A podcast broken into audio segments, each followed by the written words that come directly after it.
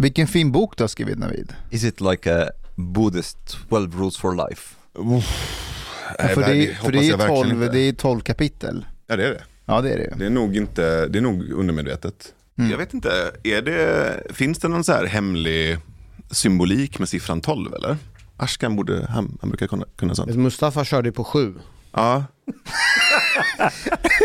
Det är som så roligt. Det blir någon sån här förakt i din röst när du säger det. Det är ju vad, det är hos dig, jag försöker bara komma in med Ja, inspel kring ja. att det finns andra siffror som också funkar. Ja. nu är inte siffran 7 här för att försvara sig. Men Mustafa är ju här. sant, sant. Nej men eh, jag vet inte, jag, jag har inte lagt märke till 12 vad det ska vara. Förutom att när Peterson började med det. Eller har det funnits innan? Nej men to, vadå, 12 är väl ändå en sån där, Ja, 12 månader. har, har ni sett Battlestar Galactica? Ja, Där exakt. är the 12 colonies of Exakt. Kobol. Mm. De flesta låtar som blir stora är tre minuter långa. De flesta filmer är 90 minuter långa. Så det finns någonting där med 3, 9, Yeah, it's 12. like three maybe that comes Ja. quite often. Uh, 12 even- vapenas armé. Just det. Jag har ingen aning varför det är 12. Men I- In Islam, like the number three is like very um, recurring. Like even when you are, wha- what's it called, like ablution, when you wash before the before wudu, before the prayer, you have to wash. It's everything that you wash exactly three times. A lot of like the things that you have to repeat during the prayers three times. när man tvättar ansiktet Mm. tre gånger. Ja, exactly. Och när jag var liten så sa mina, Och slå sin fru tre gånger varje dag, eller hur? Exactly. men det är mer av kärlek. Vi behöver inte gå in på det. Men eh, ehm, min, min, min, min släkt sa alltid att så här, tre gånger måste du tvätta. För två gånger då är du en hindu. Du vill inte vara en hindu. Jättedumt. Men eh, But I have to ask, like, what happened, like, with why four wives, not three? Must have been like some negotiation there. it's like, okay, three wives, three. Men it's du vet- few. Vänta, vänta. How about five? We fy- say four. Fyra fruar Ja. gånger tre är 12. 12, kolla. Mm. Vänta, eh, Gör man inte bar mit, bat mitzva när man är 12 också? Och, sen, Jo, är det 11 eller 12? och de 12 i, eh, israelitiska stammarna i Bibeln, Ja. 12. Det är 12 stjärntecken. Och vi har alla har varit 12 år en gång. Det är faktiskt sant. No, Och tre, och nio. Och 3 och 9. Men eh, du, min, min vän Björn, ska vi bara gå igenom vem Björn är? Ja, absolut. Alltså det känns som att de flesta har ju på något sätt hört den här storyn antingen genom hans första sommarprat eller hans andra sommarprat eller genom hans bok, jag kan ha fel. Men om jag skulle dra kortversionen av Munk-storyn så är han en eh, svensk man som föddes in i en väldigt välbärgad eh, familj, eh, växte upp med sina bröder och sina föräldrar i en eh, miljö där, där det fanns mycket idéer om hur man ska, liksom, vad man ska plugga, vad man ska jobba med och det fanns liksom en, en, en eh, som det finns egentligen i alla uppväxtmiljöer, en koder. Liksom. Typ att du ska bli läkare om du är Ja iranier. men exakt, du ska bli civilingenjör eller läkare och han följde ju den här vägen och gick på Handels och var en av de yngsta ekonomicheferna i AGA-koncernen någonsin. Jaha. Och sen en dag så bara orkar han inte. Han hör en röst som bara säger "Ah, det är dags att göra något annat, det är dags att gå vidare. Och då tror jag att han är runt 30. Och det slutar med att han eh, efter att ha blivit dumpad på en strand i Thailand tror jag det är, Alltså av sin tjej eller? av sin tjej. Och i den totala oförmågan av att kunna hantera en sån situation så bestämmer han sig för att bli munk. Right, right after the breakup. Eh, Precis efter att hon har dumpat honom så drar han till det här klostret och ska sätta sig och, och meditera. Och jag tror att han fixar fyra dagar och sen drar han därifrån. Och sen så kommer han tillbaka och så försöker han igen. Och det slutar med att han eh, blir skogsmunk i den thailändska traditionen i 16 år. Levde han som munk i 16 år? Mm. Och bytte namn också. Nej, han gjorde en Mustafa, han la till ett namn. Så det, det, Björn fattar vad jag menar. Det är du som har fått det från att- Björn. Det handlar om att inte byta namn, det lägg till ett namn. Och vad var hans eh, munknamn? Så han hette ju Björn Lindeblad först och sen så la de till Nattiko. Som betyder han som växer i visdom. Fint. Och ehm, efter 16 år kommer han tillbaka till Sverige Och det finns en sån rolig men också väldigt eh, målande scen för, för den kulturkrocken som sker när han kommer tillbaka. För när man som munk gör en exit så kallas det för att kåpa av. Du tar av dig kåpan, munkkåpan. Och när han kåpar av så är det jättemånga munkar och nunnor som säger till honom att det var försiktig och ta hand om dig. Det finns väldigt mycket psykisk ohälsa bland de som kliver av. Och det är ganska hög nivå av suicidalitet och depression också. För att du har levt i en gemenskap där saker och ting har varit på ett visst sätt. I det här fallet så har du levt i ett kloster. Different world. Alltså, ja, i ordets rätta bemärkelse. Alltså verkligen, det är en annan värld, helt annan värld. Ha- have you done like a silent retreat? Jag har gjort en halv Vipassana. Okej. Ehm, så jag gjorde fem dagar och sen så fick jag en panikångestattack. Åkte hem. Jag var 24-25 när jag gjorde det. Was it was för easier for you in the beginning or, or uh, later on? Så Vipassana är ju tio dagars tystnadsmeditation. Well, Eh, it can be different lengths, like, but, uh, Ah, but precis. yes, but, Sant, but the sant. one that's Mm. like here, here in, in, in Sweden, it's offered here in Sweden. It's like I think it's three days and ten days silent retreat. Uh, you go there, you basically leave your phone, all kinds of distraction. You don't have anything to write or read or or um, uh, or any books or something like that. And you don't even make eye contact with people, Mm. and it's just like very fixed times for for eating. You wake up like with a bong at like was it 4 a.m. or 5 a.m. Inte bong, gång. Gong, Ja. yes. Du vaknar, hade du varit med, med en bong, det är en helt annan retreat. Det beror på om du tar en bång eller om du har bånge. Sant, Yeah. sant. That was a bit Freudian slip here. På Omars retreat så vaknar alla med en bong. Om du har tur så blir det en bong-bong. and and then you're basically meditating all day except for for meals, Yeah. meal times. Yeah. Um, Och meals är väl att ta i också. Det är inte så mycket mat. yeah, it was it was quite okay. Well, this just like the problem is that they didn't have any meat, so that's that was the problem for me. It was ve- vegetarian. Jo, men det är väl diet. ganska lite mat också. På kvällen är det väl bara frukt Ja, basically. i- på kvällen, ja. Det, Mm. det är sant. Det är sant. Mm. Uh, and you don't even like make eye contact with the people there, but you really, it's almost like you get transported into a different universe. Mm. And I can only imagine if someone has been living like this for a very long time, Mm. are they even capable of making contact with, with life as we know it again? Jag vet inte. När Björn kom tillbaka då hamnade han i en depression va? En ganska djup depression och jag tror en ganska så, som jag uppfattar en existentiell ångest. Alltså väldigt mörkt. Eh, och jag tror också att det, det var vissa tillfällen som, som, som han funderade på att bara avsluta. Och den här scenen som jag pratar om när han kommer tillbaka med den här enorma kulturkrocken. Avsluta, I min, like take his own life. Eller? Vad sa du? Avsluta vad? Avsluta, like, Ta, ta sitt liv, Ja, ja precis. ja, Ehm, Men, men det är när han kommer till eh, Arbetsförmedlingen för första gången, när han kommer tillbaka till Sverige.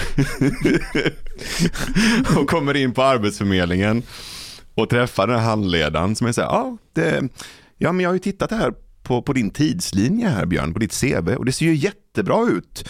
Fram till 30, det är Handels och det är arbete med FN och det är det, är det här chefsjobbet och sen är det här är en lucka här på 16 år. vad, vad har du gjort? Ehm, ja, jag har eh, suttit still och blundat och andats i 16 år. Ja, okej. ja, jag är lite svårt att veta hur jag ska guida dig vidare i det här sen. Ehm, och det blir ju väldigt tydligt också i, den, i det rummet vilken, vilken vad det han har varit, vad, vad det var han lämnade till att börja med. Vad det var för miljö men också vad det var för kultur han lämnade. Jag tror den svenska kulturen och den thailändska kulturen, bara rent kulturellt, är väldigt, väldigt olika kulturer. Och sen den här miljön på själva klostret och på Arbetsförmedlingens kontor. Det är ju definitivt två helt olika världar. Då vill man ju ta livet av sig. Bara efter en sån s- s- som sittning med Arbetsförmedlingen. eh, Utan att ha varit i Thailand. utan att ens ha varit i Thailand. Det, det räcker gott och väl för att bli suicidal. Jag tänker när man är på Arbetsförmedlingen, första gången när man ska skriva in sig, då, då får man en sån här lista på vad man ska fylla i vad man kan. Och oftast, alltså det är en lista med hur mycket grejer, men när man går igenom där, man kan ju oftast ingenting alls. ja, men kan du tänka dig vara IT-tekniker? Nej, jag kan inte det.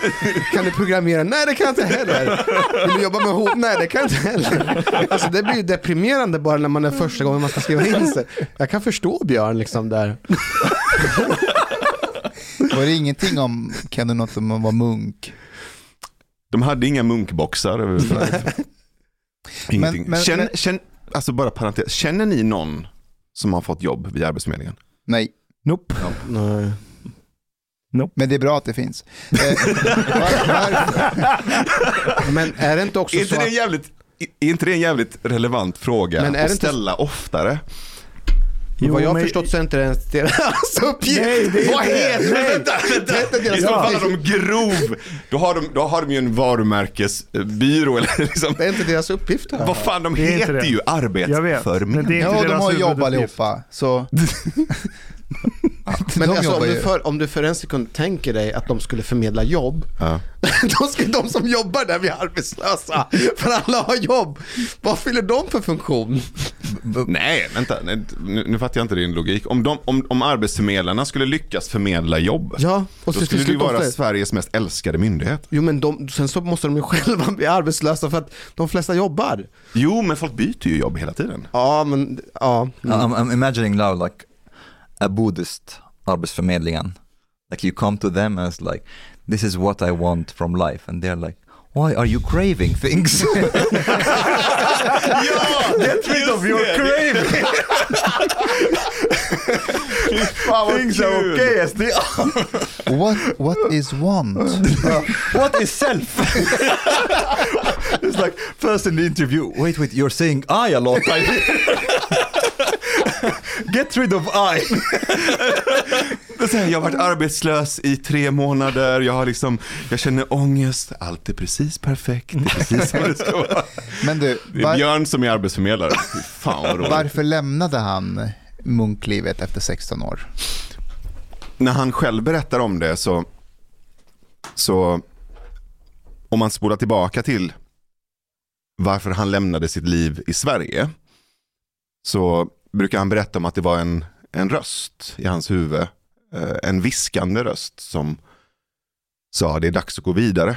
Alltså metaforiskt. Metaforiskt. Ehm, Or tror jag. Jag vet inte. Det är en bra fråga. För han återkommer till den här viskande rösten. Och beskriver också den som intuition. Och menar på att skillnaden på intuition och vilja och begär är att intuitionen vill inte, skriker inte, begär inte, inte, inte högljudd, inte, inte på, utan är mer viskande. Och Det är första kapitlet. Lyssna på den viskande rösten inuti. Exakt. Mm. Är det inte det vi pratade det om en gång? Att magkänsla och intuition är två olika saker. Exakt. Är det det det syftar till? Det är det det syftar till och det är det Björn eh, också pratar om det, första ja. gången Ja. vi träffades. Mm. Så säger han det att skill- skillnaden på intuition och begär eller vilja är att intuitionen viskar och tar inte illa upp om du inte gör det som den bjuder in till. Medan begäret och viljan är mer pushy och vill saker. Och magkänslan opererar i begär, vilja, domänen.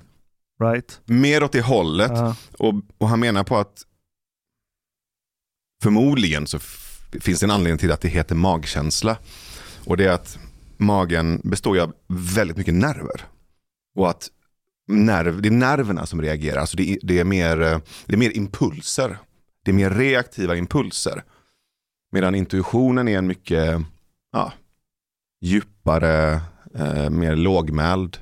eh, Du vet att, får jag bara säga, i Indien och Afghanistan och sådär, så säger man aldrig, du vet i väst så säger man mycket mitt hjärta, han är i mitt hjärta, hon är en Ja. del av mitt hjärta. Del.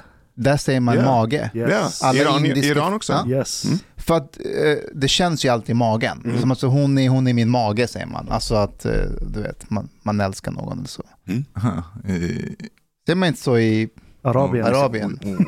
we say the chest. The chest. Uh, no, Ah. Bröstet. My chest. Uh. Just det. Uh, but Like monkeys. De slår sig på brösten. We feel it there, we just don't hit. but uh, I- actually, I, I could relate a little bit because um, there is something that happens if you reduce the stimulation or or or the the all the impressions from the outside world and just like sit still for a long period of time. It's almost like there are things that arise from within you. Uh, thoughts that you actually didn't like really think about it, but you feel, huh, well, this makes a lot of sense, and this is something actually that I want. Uh, and, and it's, it's almost like you were not paying attention before to what you actually want. Um, Kanske till och med att du har gjort dig själv upptagen med massa distraktioner och brus och jobb. För att det kan också vara väldigt smärtsamt att höra intuitionen. För det den säger kan kontrastera så hårt mot hur du har skapat ditt liv. Att det kan bli plågsamt att höra den rösten för att du inser att fuck, jag lever inte som så som jag vill leva. That that could be, but but uh, my experience at least is that actually you don't really notice this these thoughts if you are too distracted. Nej, jag Eh, håller med. Men frågan är vad som är hönan och vad som är ägget. Ja. Jag, jag tror att vi undermedvetet fyller våra liv, gör oss själva upptagna, distraherar oss för att slippa höra intuitionen. Mm. Inte att vi inte hör intuitionen för att vi av andra skäl har råkat göra oss upptagna. Men det där, det där kan jag relatera direkt till maybe. polisjobbet också. Att, eh, alltså i polisjobbet, man är med om väldigt så här dramatiska situationer, traumatiska. Så är det väldigt lätt att man liksom försöker trycka undan tankarna genom att ta ett ytterligare jobb. Mm. För att där och då slippa den jobbiga känslan. Mm. Det är klassiskt. Exakt. Men, och, och bara för att avsluta också, jag, den här eh, frågan som ni ställde först här var, så att han lämnar ju Sverige för munklivet när han hör den här viskande rösten första gången. Som säger det är dags att gå vidare. Och sen efter 16 år som munk så hör han den här rösten igen. Som säger nu är det dags igen. Och det är då han väljer att eh, lämna och komma tillbaka Men till vad, Sverige. vad, visste han vad han skulle komma till? Vad han skulle lämna till? Nej. Fan vad läskigt. Just det här med att inte ha en plan, att inte ägna sig åt kontroll och att leva i total osäkerhet har varit en del av träningen som munk. Och det var en av de första sakerna som jag lade märke till eh, när jag träffade Björn. För att jag hade ju en bild av vad det är eller vad det innebär att vara en, en, en munkperson eller en, en klok, en vis person. Och hade ju också hört honom prata och tyckte att fan han är så otroligt djup och, och som klok och har så många spännande saker att säga. Och sen började vi umgås. Och så märker jag att fan, han är ju liksom, han har jättemycket ångest. Han, är, han, är, han har massa osäkerheter. Eh, han är orolig. Han är här- människa. Ja, han är mer människa än kanske många känner. Och jag, min första impuls var att ah, fan, han var fake. Mhm. Det här var inte på riktigt. Eh, Det här var inte vad jag väntade mig. Jag vill ju att en sån här person ska vara liksom, Buddha. ja, men en buddha eller han ska vara above det där. Stålmannen. Och då sa jag det till honom också. Att du är Eh. fake. Nej, jag sa inte du är fake, men jag sa, fan, du som har så mycket kloka saker att säga, hur kommer det sig att du tvivlar på dig själv? Hur kommer det sig att du har en massa ångest och en massa osäkerhet? Och då sa han det att, att vakna upp, att få ett uppvaknande eller att leva i verkligheten som är många buddhisters eh, strävan eller mål med, med det de gör. Att då är det ju inte som att allting blir i din kontroll eller att du, att du blir lugn eller att du blir zen eller att allting bara stillar sig. Utan snarare då inser du att du har aldrig någonsin haft kontroll och du kommer aldrig någonsin ha kontroll. Och verkligheten framstår i sin totala och hundraprocentiga osäkerhet och ovisshet. Och att det är fine. Yeah, but, Inte fine är att nu mår du bra forever. Nej, Utan att sluta låtsas att du någonsin kommer kunna kontrollera. I- Ni vet, ni vet, ni vet i, i Matrix, Mm. när, när, när han pluggas ur The, The Matrix och kommer till det som är reality. När han åker genom den här rutschkanan efter att ha legat i slem eller? Ja, exakt. Ja. Och kommer till eh, Nebuchadnezzar och, och träffar Morpheus och Trinity och de andra i verkligheten och inte i The Matrix. Den verkligheten är ju inte särskilt nice, den är ju ganska rå. Och när jag började lära känna Björn och började förstå mer och mer av, inte bara honom, utan många av hans lärare och de personer som han har sett upp till, så började jag se en annan version av vad det innebar att faktiskt se saker och ting klart. Att, att bli mer och mer medveten om hur, hur verkligheten sitter ihop och att det, det, är, inte, det är inte en plats eller en, en, ett tillstånd av harmoni. Som många kanske ger sken av. Det är inte bliss, det är inte harmoni, det är inte hmm, det här åh, här, sköna. Utan det är det är fucking jävla rå verklighet. But i- isn't also like one of the principles or the fundaments when it comes to a lot of Buddhist traditions, the the principle of equanimity, that you are basically neutral towards what arises within you. So you should not have aversion, for example, to feelings of anxiety. You just feel feel them as, as energy that's going within you, and to have aversion towards them that actually that is not the goal, or to crave, to keep constantly craving um, a blissful state. That is also something that is not good, uh, because this craving is actually a source of suffering. Um, so in that sense, one does not have to be free of, of anxiety or anger or, or, or, or all that just to be okay with their existence perhaps. Och, och jag tror att det du säger nu går att göra på två olika sätt.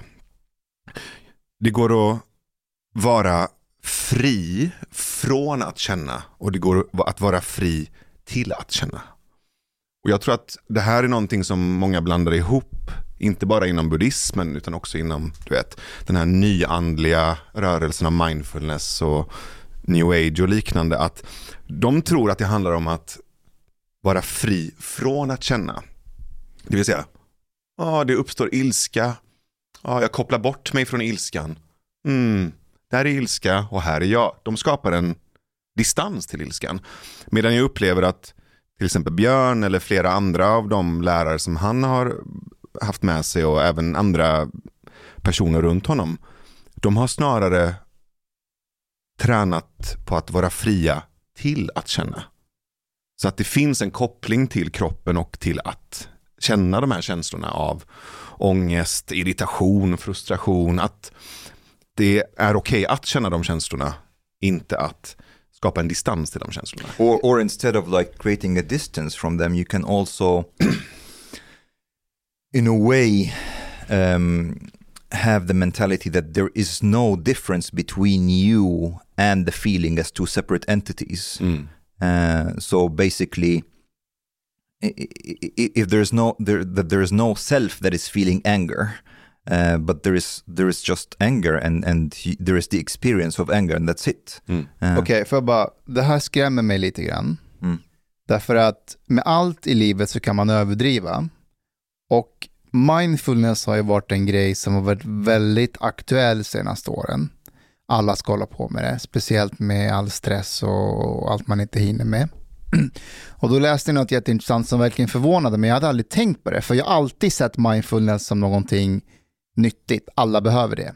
Men då läste jag att eh, en del, långt ifrån alla, men en del som har börjat med mindfulness och meditationer, hållit på med det så pass länge så att de inte känner någonting. Alltså att de, de ser i värsta fall typ sitt barn ramla och slå sig och skada sig och de bara sitter och observerar det och de undrar varför känner jag inte eh, någonting? De bara observerar och har blivit skitnojiga och inte vakna, de känner ingenting, men gått och bara, vad händer med mig? Jag, jag har mediterat massor och jag känner ingenting.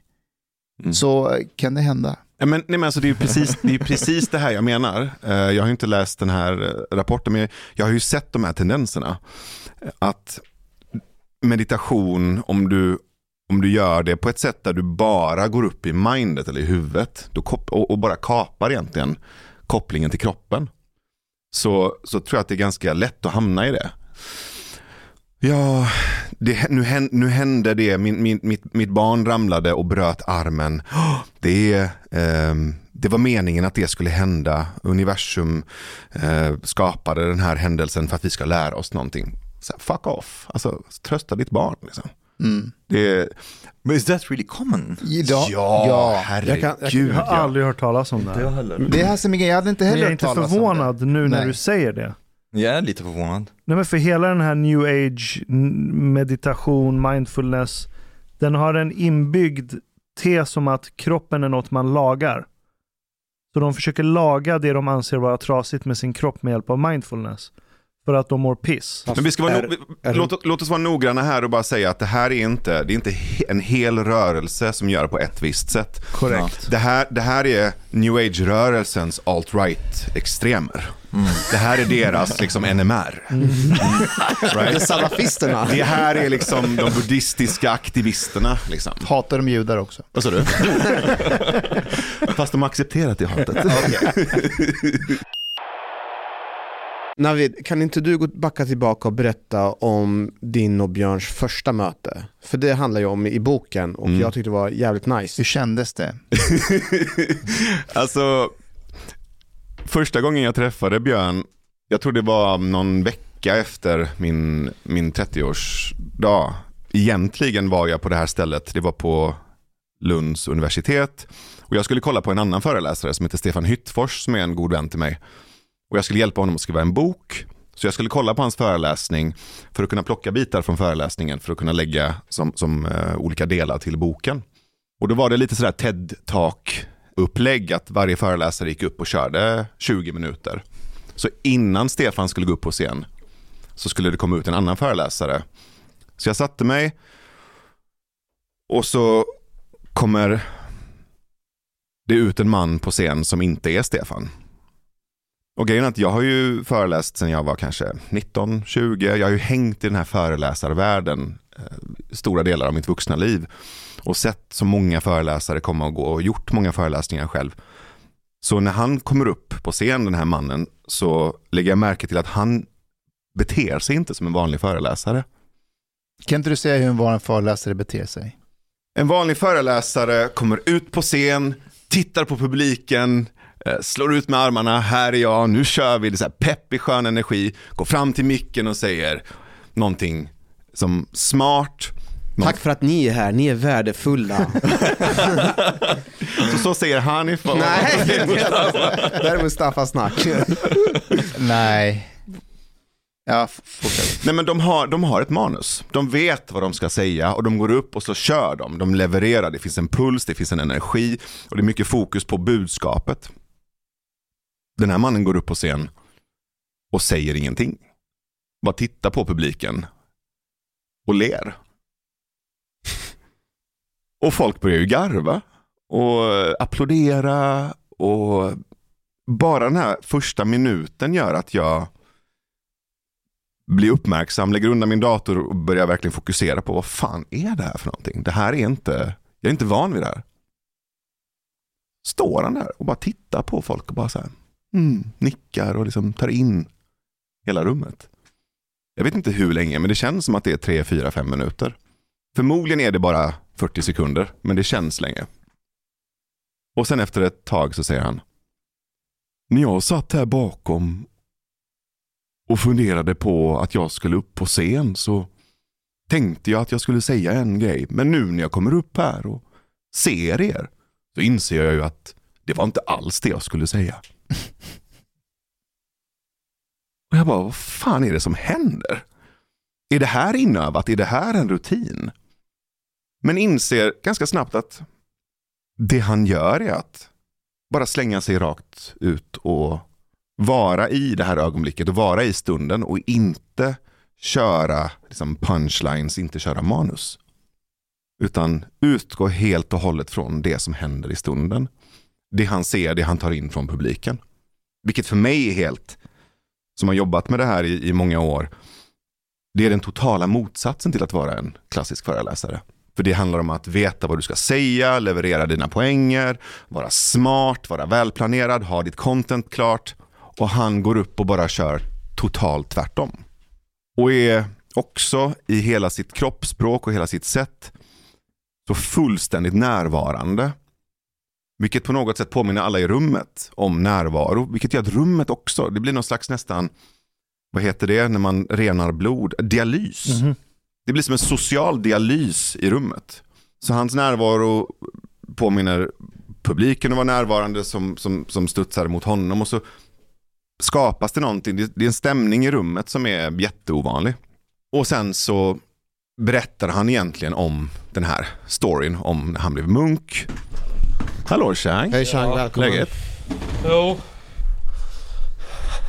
Det är helt jävla stopp i Solna. Det har inte kommit snö än. De har redan börjat lajva att det är snöstorm. Hela, hela infarten till Norrtull. Då står man still så här två minuter och rör sig fram 30 eh, meter. Och sen är man still igen eh, två minuter eller något. Varför det? För att det är Jag halt? jag, jag, jag vet, fredag? Nej det är inte ens halt. Jag har inside information Chang. Det, det är inte alls så. Nej, vi hörde att det var stopp någon annanstans. Att du Ja, ja men det var för att jag skulle köra hit men jag varit i torpet och, och jobba. Sen efter att käka lunch, jag vet inte om jag är glutenintolerant eller något för ibland får jag sån här total jävla panikskit. För tre veckor sedan så åkte jag i en gammal Chevrolet från 1928. Va? Inget, fortsätt. fortsätt. Ja, alltså, som min polare Joel hade köpt en sån pissgammal bil, vi som Kalanka kör på julafton med långben. En sån. Ja, och så skulle han ju skjutsa men den var ju skithäftig. Jag skulle bara bort till garaget och byta bil. Så kände jag att det började bubbla till i magen. Vad fan, jag kanske ska springa in på toa ah, jag klarar det nog. Vi kör bort till garaget så byter jag bil och tar fläskmassan tillbaka. Och på väg tillbaka så känner jag helvete, det är ett sköldpaddshuvud som är på väg ut. Så jag panikkör. Och jag vågar, jag vågar inte släppa någon brakskit för jag vet ju inte om det, du vet, eh, falska ska- larm, om, det, det. ja, om det är skarpa skott som är på väg. Så jag, jag är på väg i full jävla panik och springer hjulbent mot ytterdörren. Och precis tre meter innan i en kort sekund så var det som att ringmuskeln gav upp bara för några hundradels sekunder. Och bara slafs. Så bara var det, du vet, ja, jag hade ju kalsonger som räddade det värsta. Och sen bara rätt in på toa. Det var ju bara duscha och in med alla kläder och tvätta av och hela skiten. Det var ju sån här riktig jävla... Det var en åtta på en 10-gradig skala den. Okej Navid, I- fortsätt I've, berätta du. I've never, I've never went like from from enlightenment. Pure shit! Det känns som att energin, energin i rummet är en aning förändrad Nej, alltså, sen du kom. övergången från det vi pratade om till det här var helt var det. Magiskt. Ja, ja men det var, det var likadant nu så tänkte jag, ska jag köra in? Nej jag kommer skita på mig igen för nu bubblar det igen. Så jag drar hem, ska snabbskita men det går ju inte för att det är alltid en jävel kvar som det tar en tid innan. Ja och sen, Du, du är jävligt zen nu när jag tänker på det. vad är Det, jag? det är det jag sitter och Du tänker är, också. du är extremt zen. Vad är sen? Du, du, exakt, ser du? Du bara bevisar min poäng. Du lever i stunden. Det är, du sätter dig i bilen så här, oj, sköldpaddshuvud och så åker du dit. Sen öppnar du en dörr och så behöver du duscha och det, det är bara det. Det påminner om Björn Verkligheten, faktiskt lite du, du, grann. bara, Things unfold. Du är bara en observatör av verklighetens ström som strömmar igenom dig. Lite så är det nog. ja men det går ju inte att planera en dag. Det går ju, det är helt omöjligt. För att ingenting blir som, och jag har ju vant mig att ingenting blir som man har tänkt sig ändå. Så det är bara skita i att planera. Men jag vet ju på ett ungefär vad jag behöver göra. That's exactly what Björn would say, no?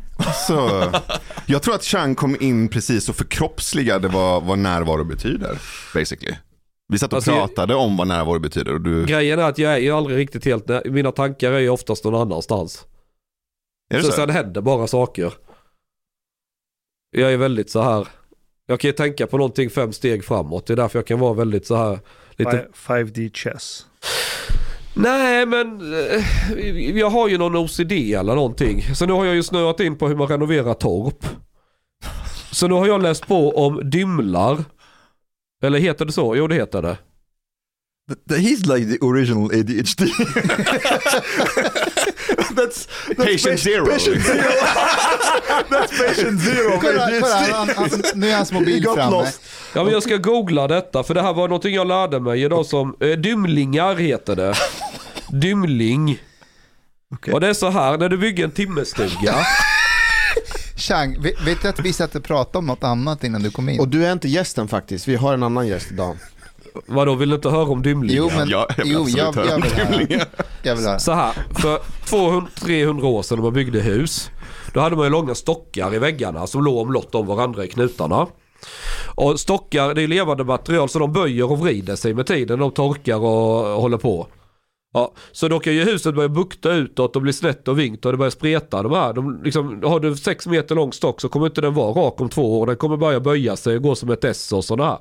Och då vill du ju låsa det i vartannat. Och då fanns ju inte spik och trä, träskruvar eller någonting sånt som vi har idag. Du använde inget i metall utan allting var gjort av trä.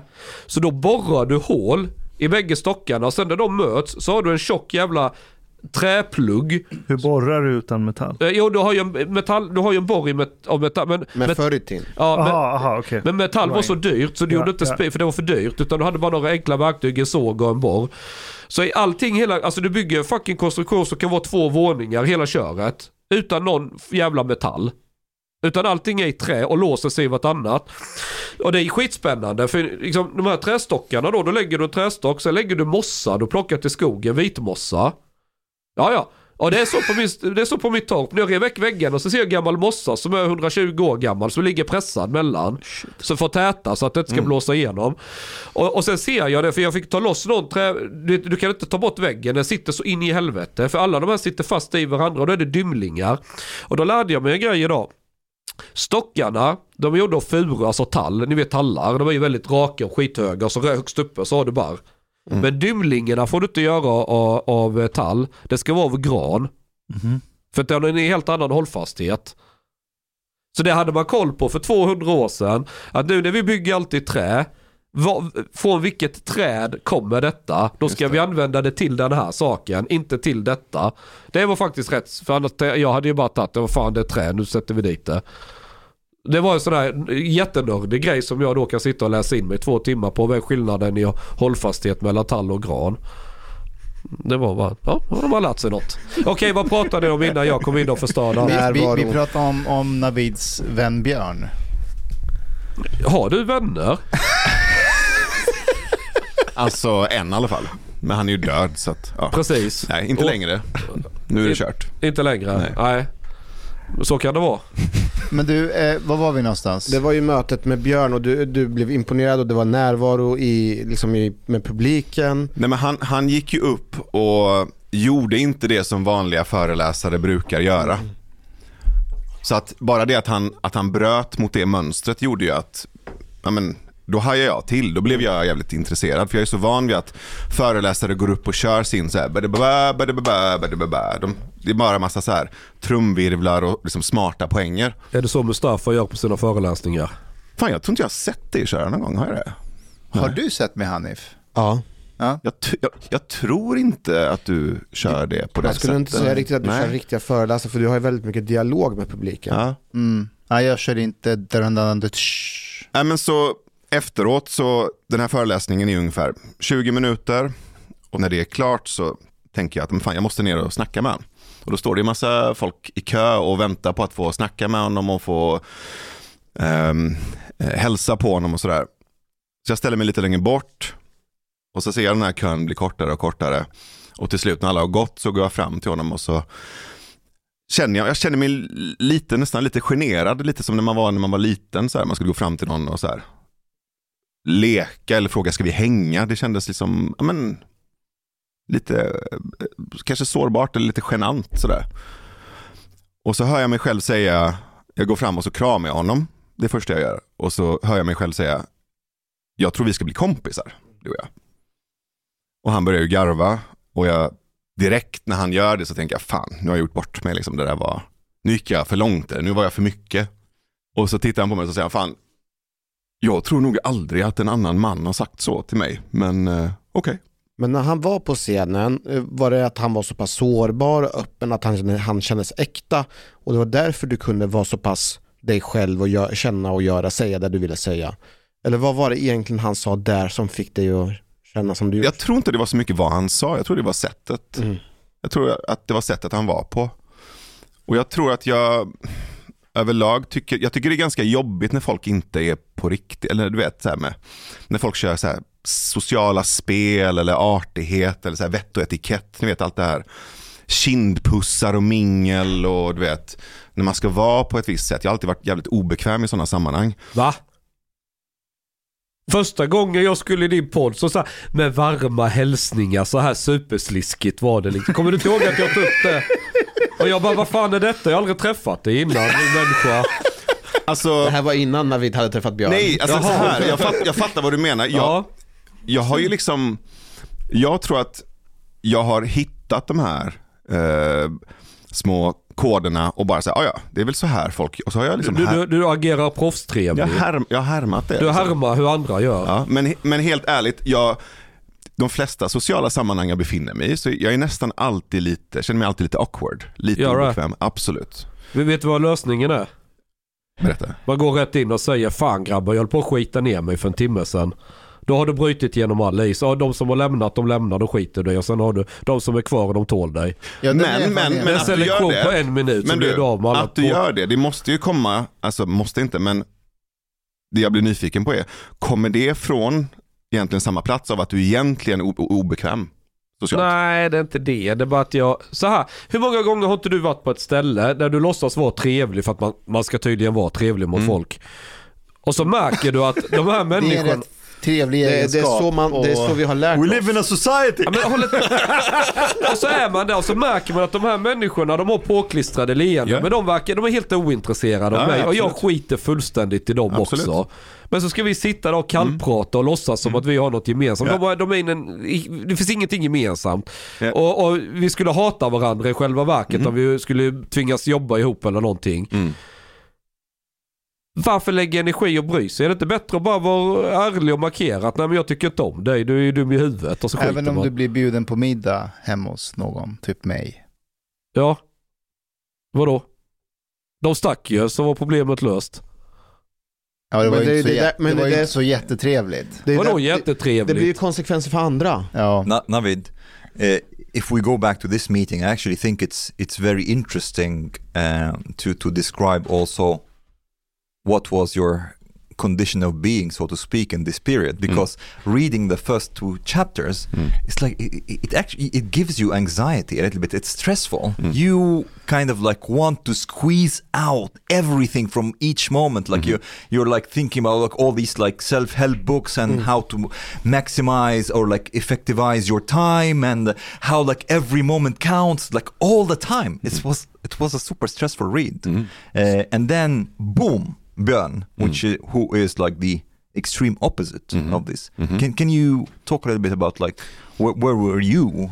Alltså att, Eh. att när jag, jag, till och med när jag satt och skrev det här första kapitlet och, och liksom tittade på så här hur jag var under den perioden så var det ganska jobbigt att inte döma liksom, mig själv i det. För jag kunde ju se det också. Vad fan håller jag på med?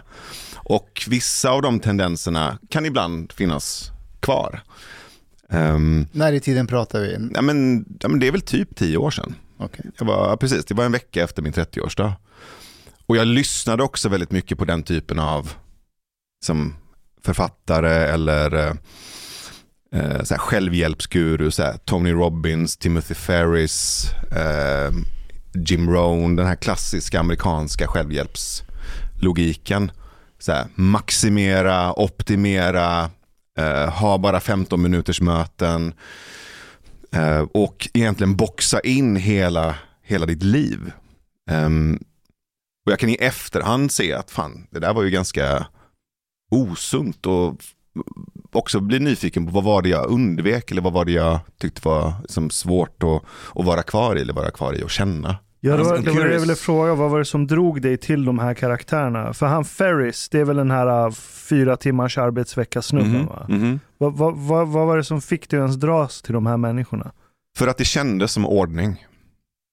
Och jag tror att om du har väldigt mycket inre kaos så, så söker du saker som du upplever eller som känns som ordning. Ehm, och det kan vara ett system, det kan vara en ideologi, det kan vara en totalitär ledare, det kan vara en självhjälpsbok, det kan vara tarot, det kan vara konspirationsteorier. Allt det här är ju falska ordningar. Så det var egentligen någon form av falsk ordning. Förmodligen för att jag hade mycket kaos på, på insidan som jag tyckte var jobbigt Chang, du ser väldigt tveksam ut. Okay, well, but- but before we before we move on to Shang, uh, uh, I'm wondering if you have you listened to like uh, time management for mortals on Nej. the on um, the Waking Up app. Det är en självhjälpsbok som... No, Nej, they, inte they just talk they talk about like just this, Mm. uh, how it is actually totally wrong that we are trying to kind of uh, flee from our mortality. Mm. That we can't really accept that we have a, a finite amount of time. That we need to accept that you will not be able to do everything you want to do in life, uh, and that you will have to prioritize. And in that, you will actually have more freedom. Um, because we can't do everything. We have like finite amount of time, um, and basically let go. Mm. Mm. Jag, de- definitivt åt det hållet. Jag tror att jag har formulerat det annorlunda. Jag har formulerat det som någon slags ångesthantering. Eh, hantering. Och Har, du haft ångest? jättemycket. Varför det? Det vet jag inte. Nej. Vet du, brukar du veta varför du har ångest? Chang har ingen ångest. Jo, det Klart han har. Det är därför du har en- testo. Ja, jag har ju haft panikångest. Mm. Men, jag, men, det är ju inte, men man känner ingen ångest ju. Det är ju inte det som händer. Det är att kroppen börjar balla ur. Mm. Mm. Men jag tror det är för att jag har suttit mycket vid datorn och rört på mig för lite. I'm imagining like Shang, he's so out of touch with his feelings that his body has to crash in order to like, okay, what the fuck is happening? Ja men det var så en gång. Det var, det var ju så. Ja. Jag bara, vad fan. Hjärtat liksom låg ju bara boom, boom, boom, boom. Och jag, Vad fan, jag har ju inte sprungit i någon trappa eller något. Ja, Alltså, du, var, du var helt glad i huvudet. Ja, ja, det var så vanligt. Satt vid datorn så He märkte jag att, Och så märkte jag att liksom det bara slår som hjärtat ska hoppa ut ur bröstkorgen på en. Bara, vad i helvete? Ja, det lugnade väl ner sig, pumpjävlan. Och så gick det några minuter. Jag försökte jobba lite och grejer som vanligt. Prata med folk och... Nej, det, det, det lägger liksom inte av. Like, oh shit, Så då la jag mig på golvet och tänkte om jag lägger mig ner kanske. Och sen började jag bli så här ljus i hyn, du vet. För, Håller på att dör! nej, det är jag inte, jag höll inte på att dö, men man blir så här. Det blir så här liksom blek liksom och det börjar bli jävligt konstigt allting. Så var en polare och bara helvete, han ringde ju ambulans då ju. Och då kom ambulansen. Och då kollade de pulsen, då var den 210. Mm. And they ask Det var ju, like, det var ju, på, det var ju max, Ja. mer än max. Så and de, first like uh, they ask you, how are you feeling? And you're like, feeling? Ja, och jag bara... Två, de sa ingenting. Den ena bara tittade på den andra och så vände han skärmen och visade den andra. Och han liksom får de ögonen, glor. Så bara direkt ihop med väskan allting, tar tag i mig, bara ner till ambulansen. Och ilfart in till sjukan. Jag bara, vad fan, så jävla bråttom är det väl inte. Och är rätt in och då var det ju, då hade de ju redan förberett ett helt team som väntade och in med slangar och grejer och skit och sen tryckte de i någonting så bara sjönk pulsen ju. Men du hade ingen ångest. Nej, nej, nej. Jag bara, vad fan. Liksom så Jag jävla... säger han är zen! Ja, men jag bara... Hans kropp håller på att dö. Han är såhär... Om. Nej, du, du dör alltså, Du dör ju liksom inte av det. Men jag visste ju inte vad det var för något. Men, men eh, och sen då låg jag där så hade pulsen gått ner på 140-130 eller något. Så efter, det tog typ bara, alltså det tog bokstavligen 12 sekunder. 15 sekunder. Så bara, oh, så bara, för då, körde, då tryckte de, det var en lustig doktor med en sån här jättesjuk kryllig frisyr var det. Han såg helt galen ut, jag gillade honom så fan. Han bara, ah, jag ska blanda till en cocktail här sa han. Och jag bara, du skrattar ju. Så han mixade ihop något skit och tryckte det i armen, du vet intravenöst. Och så bara, det var som en maskin var igång. Och så bara, och så blev det tyst. Jag bara, "Ha, jag är frisk, jag går nu. Du ligger kvar. och sen fick jag ju sitta där i flera timmar på observation och grejer. De skulle hålla massa slangar. Vad sa och- de sen då? Nej, de visste... Det här är egentligen inte helt utrett. Det kanske inte är panikångest egentligen. Men, men eh, för det, det finns en eh, nerv i hjärtat som styr slagen. Men den kan bli kortsluten i den så att den hänger upp sig. Och då måste man gå in, det finns en operation man kan göra då. Då eh, öppnar man ljumsken in i pulsådern så går man in med någon jävla slang där. Jag har hört om det där. Som letar sig upp i hjärtat och sen det- bränner du. Är det hjärtflimmer? Eh, Ja, det finns någon jävla nerv som den, den eh, triggar sig själv. Mhm. Så, som du får hänggas på en bil ungefär. Och så bara rusar det. De misstänkte att det var det så då fick jag ju gå då med sån här jävla EKG i typ en vecka på mig och grejer och de kollade hela. Men vad kom de fram till sen? nej, de hittade inget så här fel. Sen har det varit några gånger sådär då det har varit rusning så jag vet inte fan. Was Men det har lugnat sig. Efter jag tog test och så det där faktiskt. Eh, jag har inte fått det en enda gång sedan dess. But Inte, Why are you taking, did you have like low level, levels of testosterone eller vad? Ja, i ned, ja, nedre spannet. Det är inte så här idiotlågt att jag höll på att bli fruntimmer eller något. Men, men, men eh, Ja, men ni fattar. Alltså det, eh, men, men sen var det ju, alltså, det är ju inte en exakt vetenskap. Vilken är gränsen som du ska ligga på? Det där är också högst individuellt. Det är inte så att du, har, du i ditt naturliga tillstånd Omar, har lika mycket testo som Mustafa. Det är en, hel, det är en fysisk omöjlighet. Det är bara att titta på er. Så det där är ju individuellt ju. Så att, men det hjälper ju mot stress. Alltså du blir mer stresstålig. Ja, Det blir det. Jag, jag, jag kollade lite i boken här. Kör.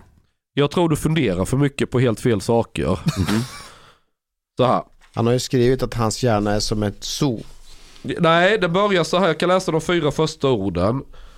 Eh, I förorden. Fan, Jag, jag, bo, jag borde låtit Chang läsa in ljudboken. det står så här. Jag är en nyfiken idiot. Sen kan vi bara sätta punkt där tycker jag. Det är de fyra första orden. Men, men om, vi, om, vi, om, vi, om vi tar några rubriker här. Mellanrubriker. Lyssna på den viskande rösten inuti. Om du har röster i ditt huvud då behöver du söka hjälp.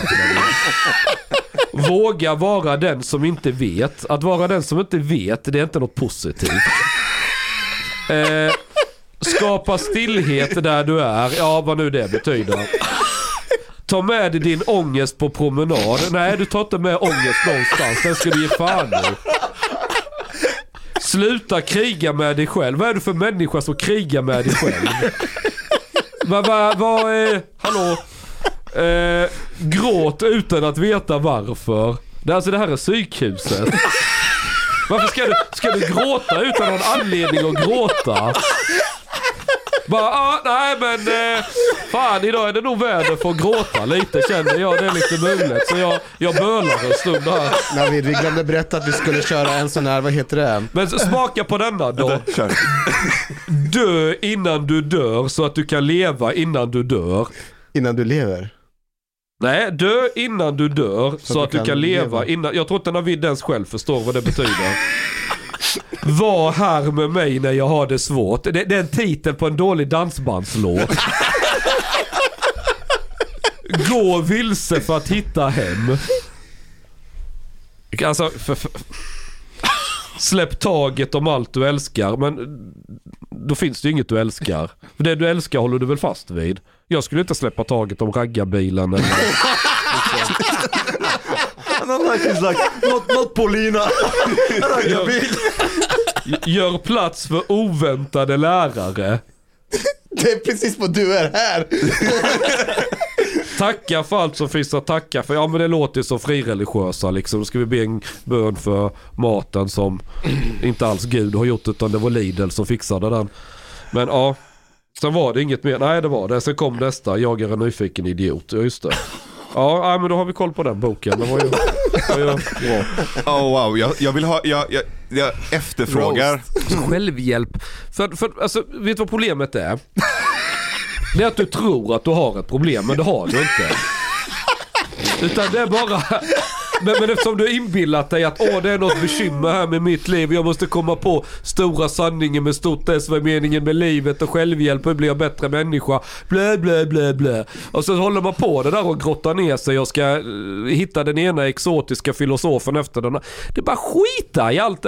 Tänk, vad vill jag göra? Jag, s- jag säger ju, min tes står kvar stadigt Mm. på sin plats. Du sitter och outmunkar Dalai Lama, Alan Watts, Ramdas. Nej, men, för, alltså, Ja. on a serious note, alltså, Ja. jag tror att du har rätt. helt jävla rätt.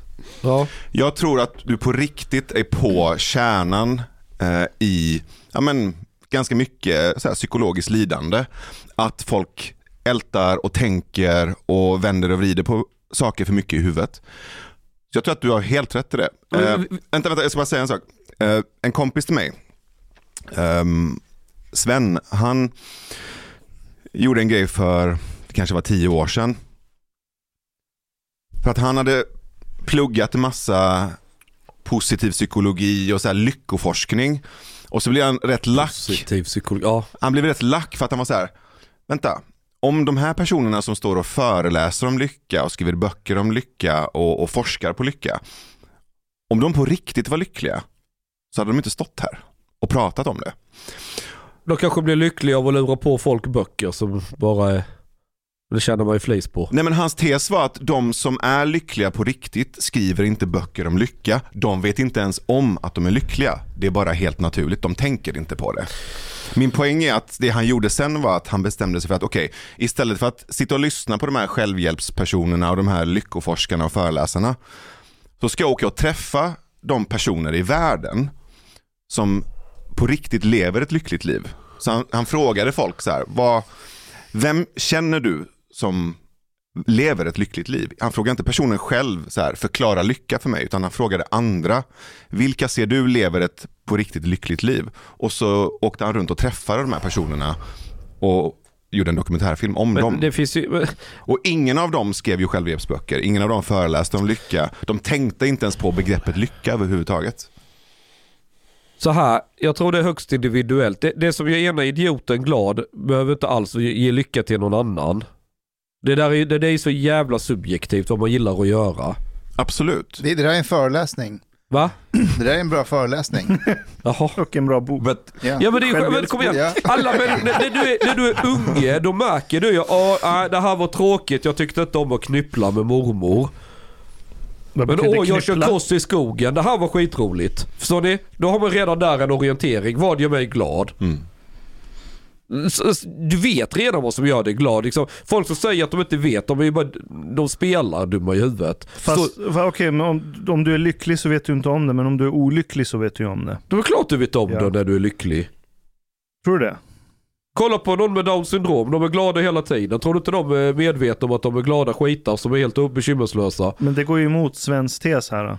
För de som är lyckliga, de känner inte att de behöver säga det till någon, för de utgår ifrån att det här är naturtillståndet. Det är inget konstigt med det här. but I mean, Alltså, like, is there anybody that experiences only happiness? Nej, det tror Nej jag men du inte. kan det. inte, du, kan Ja. inte bara känna lycka. Nej. Du kan inte, det var lärare som sa i skolan, du kan aldrig känna lycka om du aldrig har tråkigt.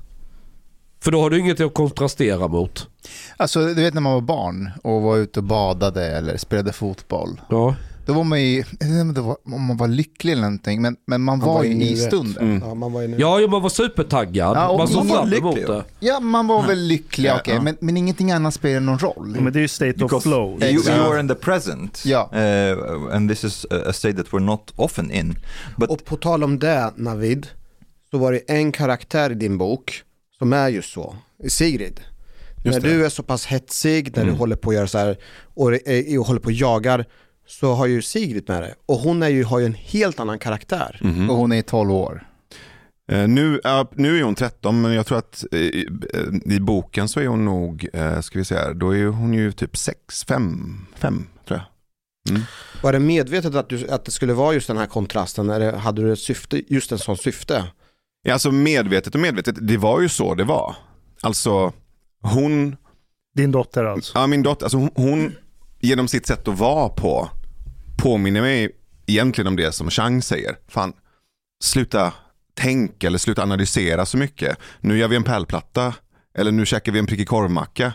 Och hon lever ju så, hon gör ju det fortfarande. Det är inte som att hon går och pratar om lycka eller pratar om... Men jag säger inte bara att man ska vara så här. Det som händer, det händer. Du har alltid planer.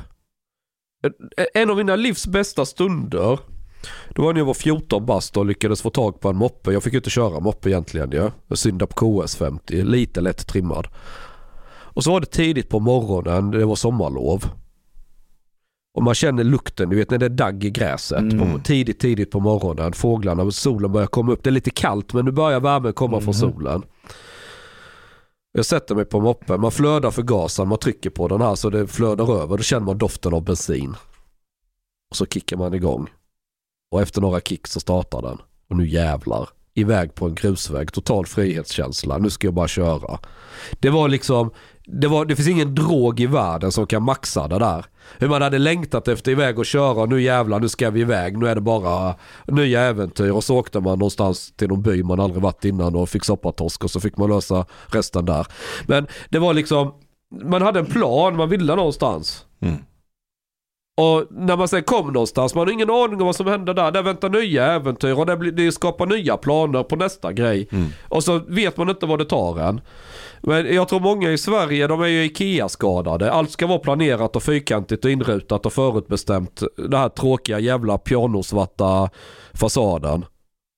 Och Men sen du, ska vi dö. Du, du kan ju säga så, du har ju lyxigt att säga så när du samtidigt har kärnkraft och din tidning. Du har ju någonting Jaha, det har bara dig. kommit liksom, eh, vad Gud gav mig det. Varsågod Chang. Ja, men, nej men jag menar du har ju planerat för det, du har Ja, ju ja. jobbat för det. Ja, ja. Så, och då kan du vara spontan och leka livet och sådär. Men många andra behöver ju kanske planera och ha en struktur i livet. Och... Men varför behöver, men jag har ju också en sorts, alla har sin struktur. Det är ingen som är helt.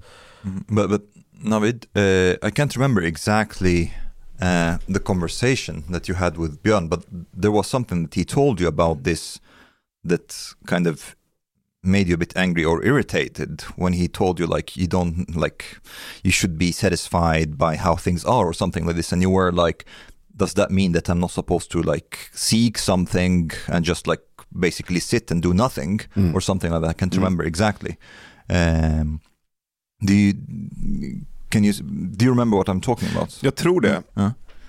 Jag tror att det han sa var någonting om att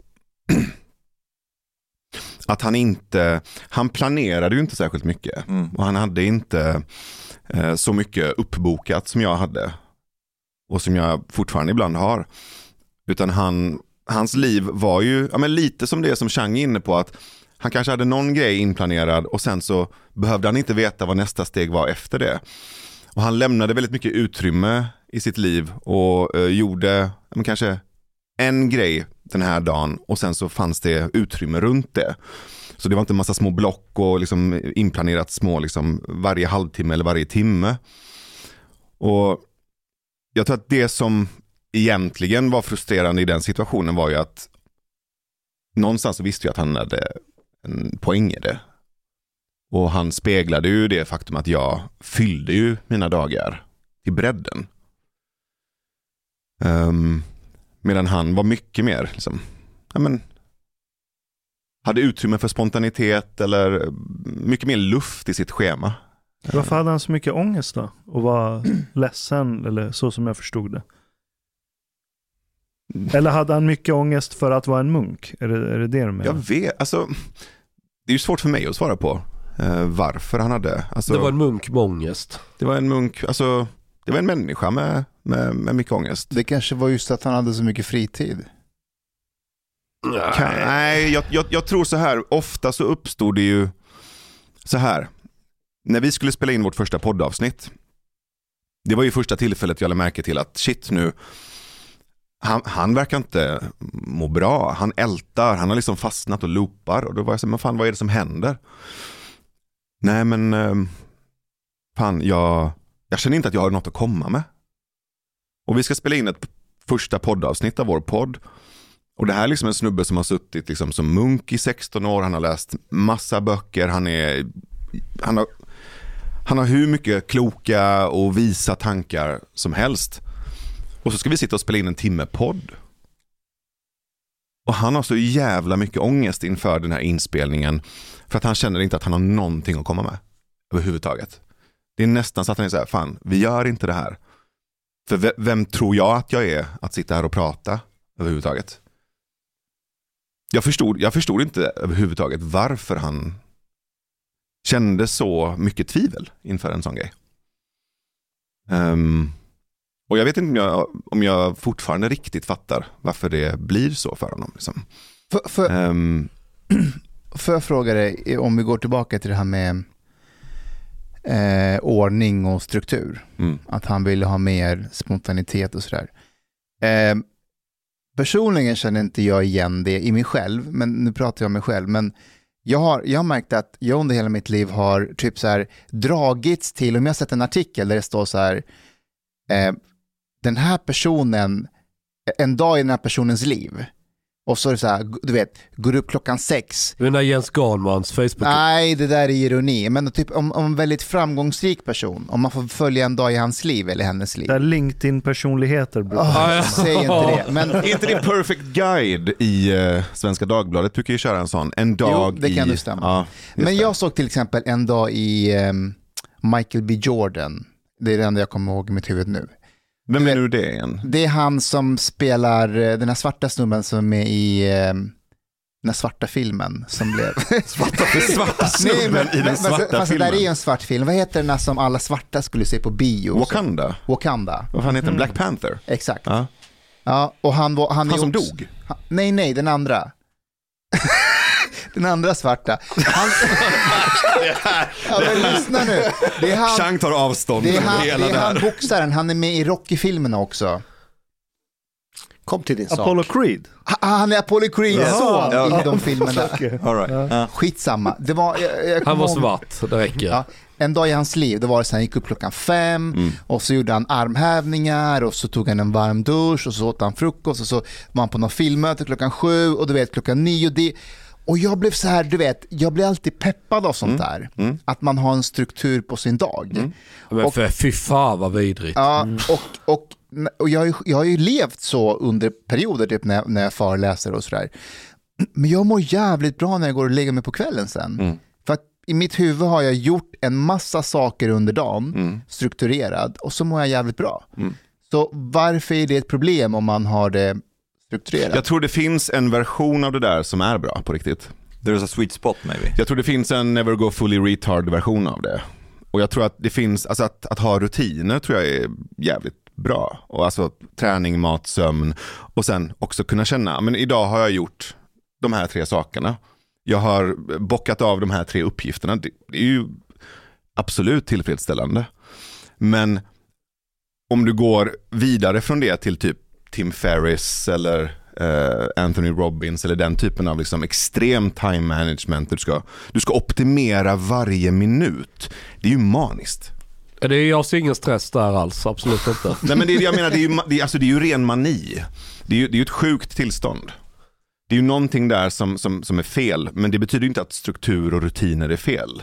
Det betyder att det finns en manisk överdrift av det också. Som Det är så här- lite sådär, livet är det som passerar under tiden du planerar allt. Hanif måste ta ett tåg till Norrköping, det är därför han stack. Ah. Vad fan ska jag göra i Norrköping? Han ska hälsa på släkt eller någonting. Han har sina Han, föräldrar. han har jävligt konstig släkt. Han har en brorsa. ja, men, eh, hans brorsa, det var någon, någon snubbe från Hawaii som gillar att jaga grisar där. Jag tänker så här, eh, flugornas herre ni vet. Random kids hamnar på en öde ö och så ska de jaga den här jävla grisen. Det var typ Hanifs bror. Har Han du hade- träffat hans bror? Ja, ja, ja. Han har en Hawaii-bror. Ja. Alltså kopplingen mellan Hanifs bror och Flugornas herre, hjälp mig med den för han är ju värsta mjukisen. Ja, det är han. Ja men han är från Hawaii. Det var Ja. ju en sån där söder Kurredutteö som de hamnade på. Eh, I Flugornas herre. Ja, Ja, och så har de ingen mat och så ska, hittar de en gris på som de ska jaga. ja, ja, ja alltså jag, Ja, jag vet. men, men varför? Hanifs Hawaii-bror, du vet jag hade med mig grisen. Jag vet. Han var, ju, han var ju den som var mest lycklig av alla. Han ville ju börja stycka den och flå. Ja, det var han faktiskt. Ja, han var ju helt inne på det här. Han var ju sån där uh, ha, ja, Hawaii-bror som gillar, gri, stycka grisar. Hawaii-bror. Ja, men jag tänkte bara Flugornas herre liksom. Att han verkar vara lite sådär. Ja. Jag känner mig mer som Björn, tror jag. För jag, jag har en bockuppgift per dag. Mm. En. Okej, idag ska jag göra den här föreläsningen. Mm. Då, då går det inte in något annat i, det, i kalendern den dagen. Idag ska jag sitta och betala räkningar och redovisa grejer till Skatteverket. Det är den uppgiften den dagen. Alltså du är ju den personen just nu som påminner mig oftast om att inte hålla på och försöka vara effektiv och klämma in saker. Du, du skrev det till mig häromdagen, eller till, till oss, att så här, nej, fuck det här med att klämma in saker. Det nej, det vill inte jag. Men Så att jag, jag, jag tänker ju ofta på det att du, du brukar vara en bra så här, pushnotis Men till... fan vilken jävla bra ursäkt för att inte göra saker i livet. Bara, nej men Nej, det är tvärtom, för då kan jag säga ja till allt jag inte planerade för. Ja, När någon hör av sig, du, ska du göra det här? Mm. Ja, Exakt, exakt. självklart. Vi Absolut. snackade om det i det, bilen det på finns väg en hit. annan sak också. Ju mer du planerar, ju mer ineffektiv blir du. Yes. Mm, exakt. I, think there is there is another thing that uh, vänta, hur då? Jo, Nej, men har ni aldrig undrat, hur hinner Ashkan med allt han gör?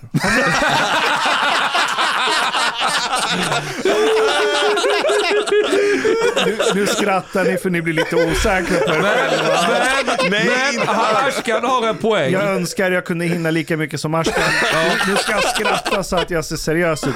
Fast nej, helt Har jag oironiskt. Jag känner igen det där. Det är skitmånga som har sagt till mig, hur fan hinner du med allt? Du har det bolaget, du har gjort de sakerna, du har gjort det, du har gjort det. Men va? Jag tycker jag är rätt lat faktiskt. Och alla bara tycker, hur fan... För, för i deras huvud tänker de att man har planerat, så här. Ungefär 19 och 20 möten man har planerat. Det är totalt waste of time.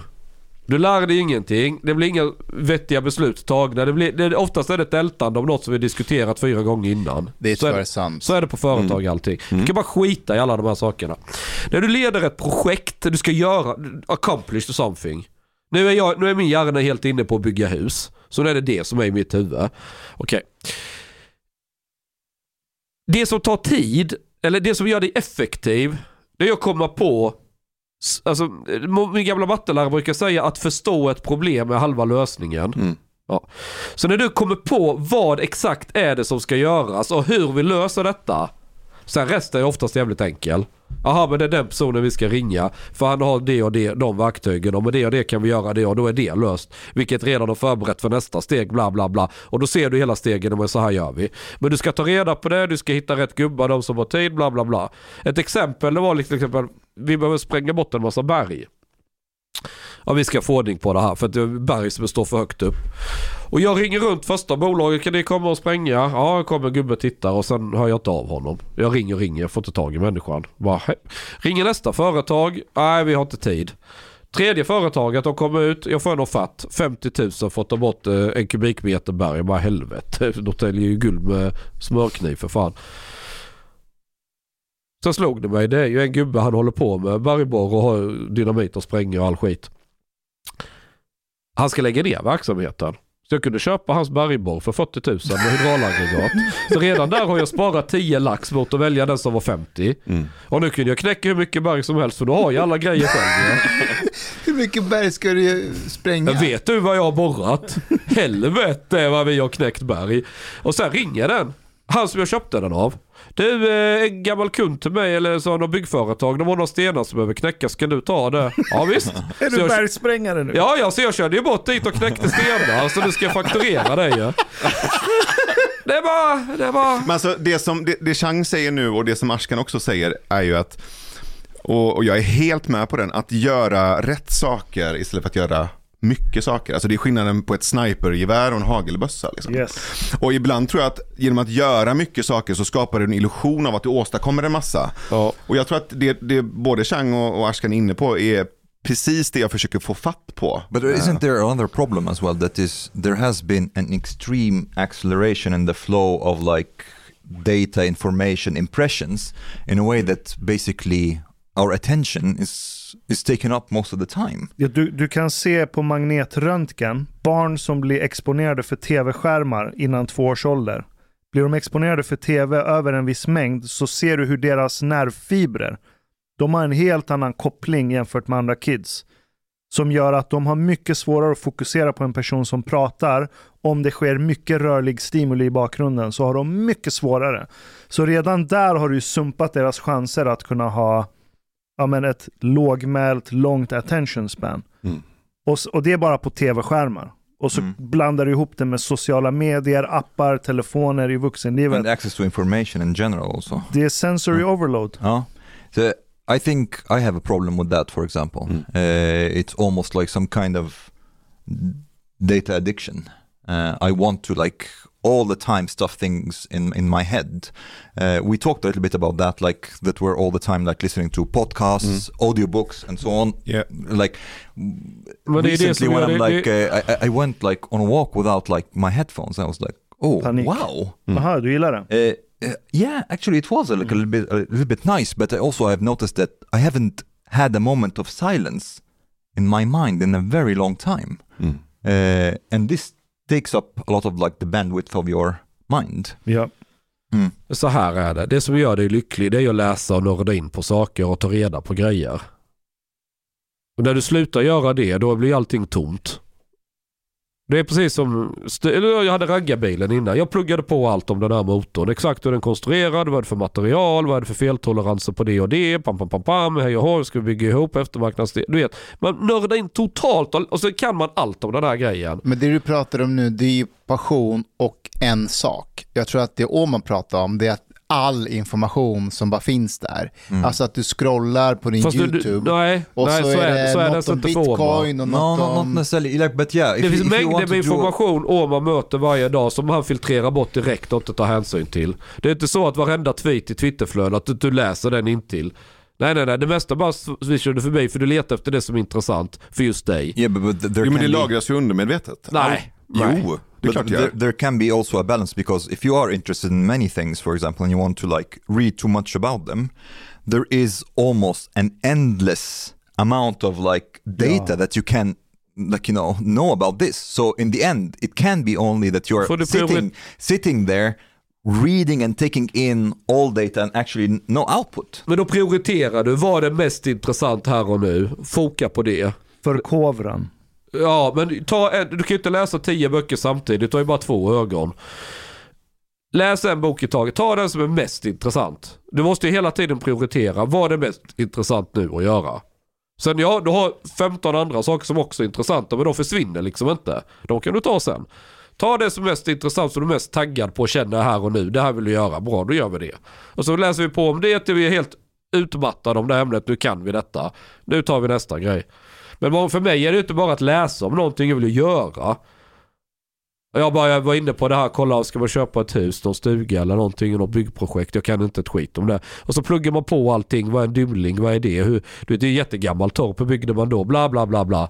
Och så börjar man greja och så har man fixat en liten del och så tar man nästa. Och till slut så har man ju gjort någonting förhoppningsvis. Men jag är nyfiken på en grej. Du, du sa förut, precis när du kom in så sa du det här med att, att din hjärna på ett plan alltid är flera steg Ja. före. Ja. Och nu säger du att, ja, men, att göra eller fokusera på en sak i taget. Ja, du fokuserar ju alltid på det du ska göra här Ja, och nu. Ja. Men, okej, ska- klassiker när folk bygger hus, vilket är skitlätt att trilla in i. Och det här gäller inte bara hus, det gäller allt annat också. när Du ska göra något fysiskt. Du börjar med en sak, lägger jättemycket tid på det och sen upptäcker du att det här har jag gjort helt i onödan för det här ska jag inte ha ändå. Det här är skit, det är skitmånga som känner igen sig i det där. Och varför anledningen är fem steg framåt, det är just för att undvika att det du gör idag inte ska vara ogjort arbete. För då har du spolat bort hela den tid och pengar i, i, i, på någonting som ändå inte skulle vara där. Och det, det poängen är att, okej bygger du ett nytt hus så är det nästan enklare för då ritar du upp allting. Där ska rummen vara, så, vill- så ska det se ut. Och då har du gjort det tankearbetet. Ja, men då är det mer eller mindre bara att bygga, inom citationstecken. Det dyker alltid upp lite bekymmer på vägen. Här har vi ett gammalt hus som ska renoveras så ska vi bygga till det tänker jag. Och då gäller det verkligen att maxa, vad kan jag få ut av det här gamla och vad ska vi göra och vad ska vi inte göra och hej och hå. Och då måste det vara fem steg fram. Men dina fem steg fram är de i så fall då på samma linje? Är de i samma liksom, Ja, ja, alltså det- den här grejen jag gör idag ska Ja. förbereda för vad jag gör om en vecka. Precis. Som förbereder för en månad. Och någonstans i en avlägsen framtid Yes. så är det här projektet avslutat. Men förstår du vad jag menar då? Det, då är det ju ändå så här, det är som schack. Du kan tänka, Ja, ja, ja, det är på samma visst. schackbräde fast flera steg fram. Och jag tror att det Omar snarare pratar om, det är det här, nu, nu visar jag liksom med händerna, det är att ditt, ditt fokus är snarare vidgat. ja, men då har du inget fokus. Nej men det är lite, lite det jag försöker säga här, att även om du har ett tänk som är fem steg fram, Ja. så är det i Det är samma... väldigt fokuserat. Det är väldigt inne på Exakt, någonting. Ja, exakt. Ja. Medan, medan det jag upplever att Omar är inne på, det är att det kommer in intryck från alla möjliga håll och du tänker på, du har liksom 14 flikar uppe i huvudet i olika ämnen. Du har, du har inte prioriterat Det är bara en jobbigt. grej. Så liksom. mycket ramminne har man inte i skallen. Nej, exakt. Då blir man ju bara, för, det blir, känner man sig inte tom, bara meningslöst allting. Mm, no, I would say the opposite. It's like uh, you feel a bit overheated. Uh, your du is- arab blir alltid varmblodiga. Jag tror tricket är att hälften av dem du stöter på i din vardag ska fråga hur fan hinner du med allting? Och så ska den andra hälften tycka att du är den lataste personen de någonsin har träffat. Där är det sweet spot. Jaha. Det, det, det du, både, både du och Chang är inne på är ju också, det, det låter ju som att så här, det låter ju som ett hack. Är ni med? Det låter som att ni har hackat eh, liksom en, en, en kod eller en logik. Nej, nej, det är just det det inte är. Det är när du låter bli att försöka hacka och bara ärligt säger för dig själv, vad, vad orkar jag med att göra helhjärtat idag? Jo men hacket ligger ju i att det känns som att du är lat men du åstadkommer jättemycket. Det är ju en Jaha. paradox. Ja, för jag tror inte du kan vara helhjärtad 8 till 5 för någonting som du inte ens äger, som inte ens är ditt. Men inte, okej, Nej, inte hack då, men, men paradox. Ja. Det låter ju som en paradox. Så här, Gör mindre, åstadkom mer. Nej, less is more. Alltså, jag att göra... Ja. Men... Eh, vad var det jag, jag skulle säga något. Eh, Du, du lämnar oss med cliffhangern. Eh, ni ska spela in er första podd med Björn. Mm. Björn och Navid. Mm. Och så sitter han där och vet inte vad han ska säga. Exakt. Alltså han, han sitter, vi sitter ju i en soffa tillsammans inför den här poddinspelningen och han har så mycket ångest att han inte får fram ett ord. Och då tänker jag att vi kan inte sitta här och älta det. Vi måste, vi måste, ändra, vi måste ändra någonting här så att, så att han får liksom, tänka på något annat. Det är då jag tar med honom ut på promenad. Det är den. Ta med din ångest ut på promenad. Så jag säger, fuck it. Vi sitter inte här och pratar om hur du mår. Vi går ut. Vi bara börjar röra på oss lite. Så vi går ut och tar en promenad och det är egentligen för att få honom att komma ner i kroppen och ut ur huvudet för det är där han håller på och ältar. Så vi tar en promenad och då märker jag att då, då mjuknar han, då lättar han upp lite. Och sen kommer vi tillbaka in och så sätter vi oss och börjar podda. Och efter poddavsnittet så säger han någonting som sen blir som en catchphrase nästan. Och det är det han sen säger efter varje poddavsnitt. Oj, jag hade ingen aning om att jag hade så här mycket att säga om det här ämnet. Så det var alltid samma grej. Han hade ångest inför, jag har inget att bidra med. Vi gör själva samtalet. Han har hur mycket som helst att bidra med. Och efteråt så är han skitglad och säger var, var det första gången i hans liv han var i en podd eller någon form av media eller någonting sånt? Han hade gjort, Det låter som en introvert människa som normalt inte står på scen och berätt, pratar en massa. han hade gjort in, intervjuer innan tror jag. Inte jättemånga. Men du har rätt i att han hade ganska låg så här, med, medial erfarenhet. Men think han, missed the part that he was uh, a monk for 16 years. Ja, då brukar du kanske inte eh, hänga i skvallerspalterna så mycket. nej men han, det han sa själv var att, för att min, min Varför blir man munk? Min förvirring var så här, men fan Björn, du har ju i 16 år suttit eh, framför en grupp människor och undervisat i buddhism, för det hade han gjort hur många tusen timmar som helst. Han hade ju suttit inför en grupp eh, buddhister och även ibland kom det ju turister till, till klostret som han satt och talade inför. Så att han var inte ovan vid att tala inför publik. Men det han sa då var att att sitta och bara prata rakt ut i luften. Att inte ha liksom andra människor framför sig. Det var det som var det, det var det han inte fick ihop i, i huvudet. Han var van vid att sitta med andra och relatera till dem och ha egentligen ja, men ett samtal eller en dialog. Ja, men det låter mer som lite, lite stukat självförtroende så där har jag så mycket att berätta om det här egentligen. Vem är jag och bla bla bla. Det, det är det väldigt allmänmänsklig. Det, Ja. ju inte, det är ju inte någon ångest egentligen. Det är bara så här. Det är ju så du bör känna i en sån sits nästan. Det är väl det naturliga att känna i en sån sits. Ja, alltså är man sätt, lite ja. fish out of water så kanske man är i bör- början är man väldigt så här. Så är väl alla liksom. När jag går in till bygghandel, bara jag tänkte bygga ett hus men jag har aldrig gjort det innan, var börjar jag? Så, så det sitter en gubbe där och flinar. Jaha, men eh, vad har du för hus nu? Ja, så här ser det ut. Ja, bara jag gör grunden. Okej, vad behöver jag? Använda mer? Ja, men det vet jag för det har jag gjort innan. Ja, men då, då börjar vi någonstans.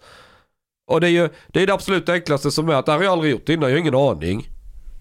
Men som alla andra idioter så vill, tänker jag också ge mig på det. Men det, det är en hårfin gräns mellan ödmjukhet och självtvivel, eller hur? Alltså, om vi tänker att ödmjukhet, ehm, Jo, jo, ja, du vet att man inte tror att man tror att ja, men det här, vad har jag berättat? Det här är inte intressant för någon annan eller jag klarar inte av att bygga den här motorn eller det här huset eller genomföra detta liksom för det har jag inte kapacitet. Om man har den inställningen då fastnar du ju men det är också då är man ju rädd för att göra fel eller misslyckas med ju. och, och jag, tror, jag, jag tror det finns en anledning till att hans bok hette Jag kan ha fel. Jag tror att en av hans stora utmaningar var att säga saker utan att behöva ehm, känna att han hela tiden måste säga rätt saker. Eh, för det är en sak, alltså om, om vi säger att självtvivel är att göra dig själv mindre så finns det en annan version som är liksom hybris, att du hela tiden så här, du gör dig själv större. Ja, det, det heter Kanye West. Narcissism. Jo, men kommer inte det egentligen från samma källa? Alltså är inte det samma person som egentligen känner sig jävligt liten och därför måste göra sig själv större? Alltså en person som är trygg med sig själv behöver ju varken göra sig mindre eller större, den bara är liksom det den är. But, but Navid, when, when Björn kept talking about this inner voice, there wasn't any part of you that's like, okay, is this maybe psychosis or something? Mm. Nej, för han också en inre röst han kände igen den här. Ja, alltså definitivt, inte bara en. Nej. No. Ehm, nej, jag kunde, jag kunde relatera. Alltså, Ja. jag, har, jag har ju absolut en, en neurotisk och ältande del också. Do, do you know how Islam started? Vad sa du? Islam, do you know how it Det var väl en Kickstarter-kampanj? No, it's actually, Ta det från början. yeah, okay, I will, uh, from the very beginning. Ja. So Vem är Mohammed? Well, Muhammad, he was like bullied by his people in Mecca. Then he went to a cave, basically, and isolated himself. Then he started to hear voices. Det var en grottarab som hörde röster. Yeah, and then he went to his wife. He's like, I'm going insane. I'm hearing voices. There's this like jinn who came out to me and like told me that I'm like the prophet and like I'm going insane. And he was going to commit suicide actually. But Khadija, he convinced, no, no, no, you're not mad. This is true. These voices are true. Then he took är it seriously. alltid, bakom varje galen man är... Så finns en Yoko Ono. Ja. Björn är inte med oss längre. Nej. Kan du berätta lite vad som hände? Så vi lärde ju känna varandra 2013 och han hade ju haft en del hälsoproblem innan. Han hade jättemycket problem med sömnen och hade varit inne och fått olika ja, eh, diagnoser och behandlingar. Man får väl lära sig supa som normalt folk, då sover man. ja, alltså han hade inga problem att somna, men grejen var att han vaknade alltid så här mitt i natten och kunde inte somna om så här vid tre, fyra. Eller vid typ, Bara ta sömntabletter eller? Ja, jag tror han försökte det mesta men utan att det, utan att det funkar. Och det var tydligen ganska van, det är tydligen en ganska vanlig grej hos munkar. Yeah, well, Som, eller folk som mediterar mycket kan ofta uppleva att de kan eh, rubba sömnen. Aha. Right. Uh. Ja, det, så det är inte helt Joseph, ovanligt. Joseph Goldstein, for example, he has very um, severe problems Yeah. with uh, sleeping. Jag tror även Nadia Shanti har haft liknande. Men skitsamma. Så han, han hade en del hälsoproblem. Och sen så under det att vi lärde känna varandra så ja, lade jag märke till att fan, det är någonting med sömnen. ehm, det är någonting med, med med hans nerver, det är någonting med nervsystemet. Och sen så började det komma fler grejer. Han började få liksom mm, minskad känsel i händerna. Han blev liksom lite svagare i, i lemmarna. Och Around what age? han är, ja, han är ungefär lika gammal som min pappa. Så att, eh, han fyllde ju 60 eh, hjälp mig nu med tiden här, Ehm, han fyllde ju 60 förra hösten då precis. Ehm, så att vi lärde känna varandra, då var han väl 52, 53 och sånt. Mhm. Ja. You, he was starting already to have these problems. Ja, eh, Eh, och hade haft de utmaningarna ett tag. Och sen så började det komma nya så här konstiga symptom. Och det var, ju, det var ju då jag reagerade, mitt ex reagerade och flera andra kompisar runt omkring honom började reagera och sa att fan, du borde gå och kolla upp det här. Och han var så ja, ah, nej jag vet inte, jag har ganska dåliga erfarenheter av traditionell liksom, eh, sjukvård. Så han tryckte undan det och, och gjorde inte det. Han gick inte och kollade. Och sen efter ett tag så märkte han att vi blev mer och mer liksom pushade. Fan, du måste gå och kolla det här. Det är någonting uppenbarligen som, som är fel. Du måste gå och kolla. Och då började han göra det. Eh, han gick och gjorde en massa undersökningar och tog så här, ni vet, eh, vad heter det när man tar så här eh, ryggmärgsprov, Ja, ja. så här vidrig Mm. liksom, eh, provtagning. Ehm, och, och eh, massa nålar i, i Men nerver misstänkte och... de ju något om de började... Ja, för att han hade börjat få, det heter fasci, fasci, fascikulationer, så nervryckningar i typ bröstet och i händerna och sådär. Så de började direkt kolla, men är det någonting med nerverna, är det någonting med musklerna? Och då Ja. begränsar du ju vad det kan vara. Det är Ja. ju liksom, det är ALS, det är MS, det är liksom den gruppen De sköna sjukdomarna. sjukdomarna ja. Ja, de är ju ganska, som alla är ju vidriga på ett eller annat sätt liksom. Jo. MS är ju bara långsam ALS basically. Och den är ju ännu värre. Det är ju bättre att få en stroke och dö direkt. Alltså, jag, vet, jag känner ju folk som har det. Eh, alltså, ett par, tre personer ganska nära mig som har MS och som lever ändå ett ganska... Nu finns det ju bromsmediciner och hjälp att få och du kan leva ett ganska drägligt liv med MS men det är fortfarande... Det är ju inte Ja, ett blir normalt du är liv. påvind hela tiden att dina dagar är räknade. Ja, absolut. Men du har några fler än den som har eh, ALS. Men då så skulle han gå och få liksom ett besked från, från sin läkare från eh, som en stor del av de här proverna. Och han hade sagt till mig att ja, men, det är den här tidpunkten jag kommer gå och liksom, prata med läkaren. Kan du vara tillgänglig då så kan jag ringa dig. Och vid det här tillfället så eh, har jag precis kört min dotter till sin mamma, precis lämnat henne när telefonen ringer och jag ser att det är Björn. Och svarar. Och då, när jag svarar så hör jag bara hur han gråter. Liksom. Han, han får inte ur sig ett ord och jag fattar direkt att amen, det är, och han misstänkte och vi misstänkte att det var ALS. Liksom. Och då fattar jag, men då är det det han har, då, då är det så. Ehm. och sen så var det ju de sista åren så var det ju väldigt tydligt hur sjukdomen snabbare och snabbare och mer och mer aggressivt började ta över hans kropp. Vad händer med ALS? Är det det Börje Salming har? Det är ex- exakt det Börje Salming har. Stephen Hawking hade det. Ehm, och det är fortfarande... Men jag- Hawking levde ju till att bli gammal. Jo, men han, han, gjorde stam, han gjorde någon form av stamcellsbehandling som är svindyr. Som bromsade där eller? Ja, som bromsade. Plus att jag tror att det finns två varianter av ALS där det finns en som är lite mer långsam. Och jag tror att Hawking hade den. Björn fick den aggressiva versionen.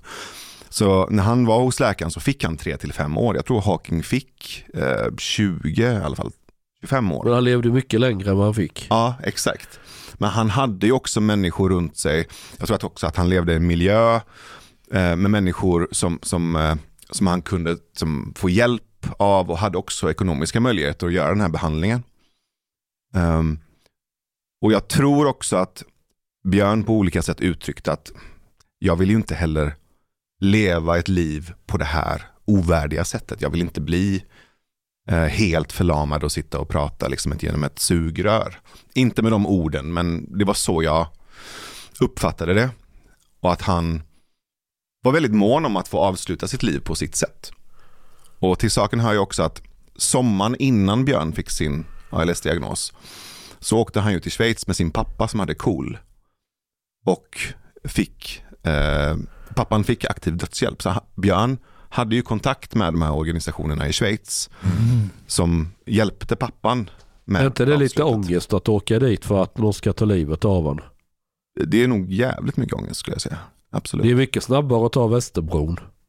Alltså en kompis polare, en kompis polare, en kompis mormor, eh, när hon fyllde 93 så bara fixade hon med testamente och hus och allting och köpte en pistol, gick ut i skogen och, och sköt sig. Och var verkligen så här, "Ja, men jag är klar. Jag har levt ett fantastiskt liv.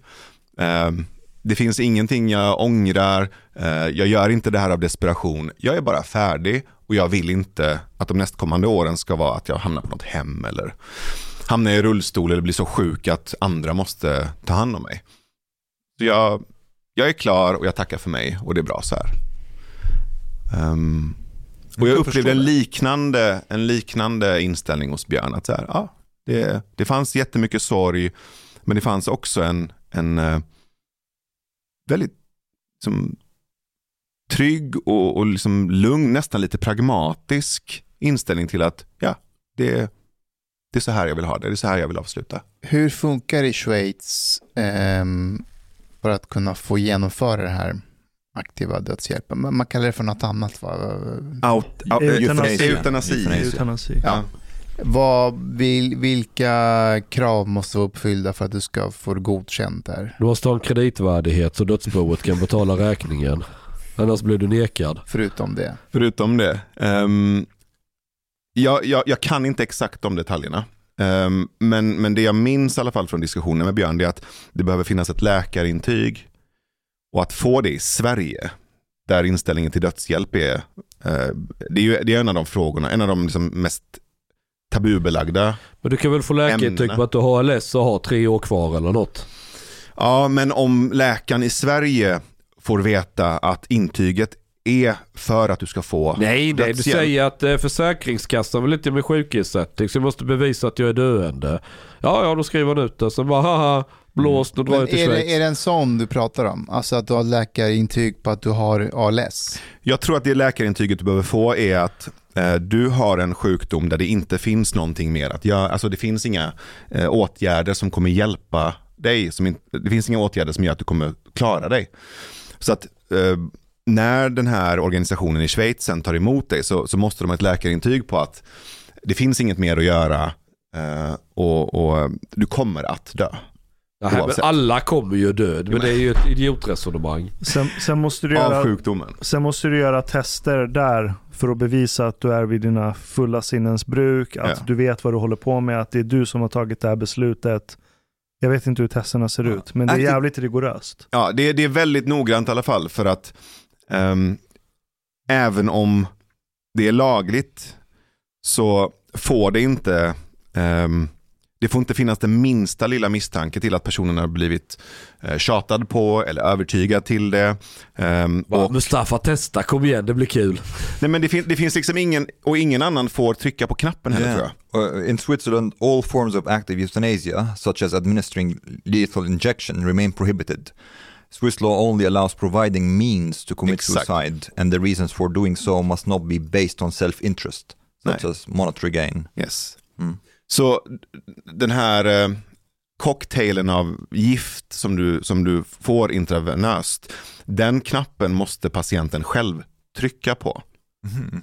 Och jag vet att Björn var ju, var ju orolig för att han inte skulle ha muskler nog att Right. trycka på knappen själv. Så där fanns ju också en aspekt av att eh, jag behöver göra det här eh, så att jag får göra det på mitt sätt.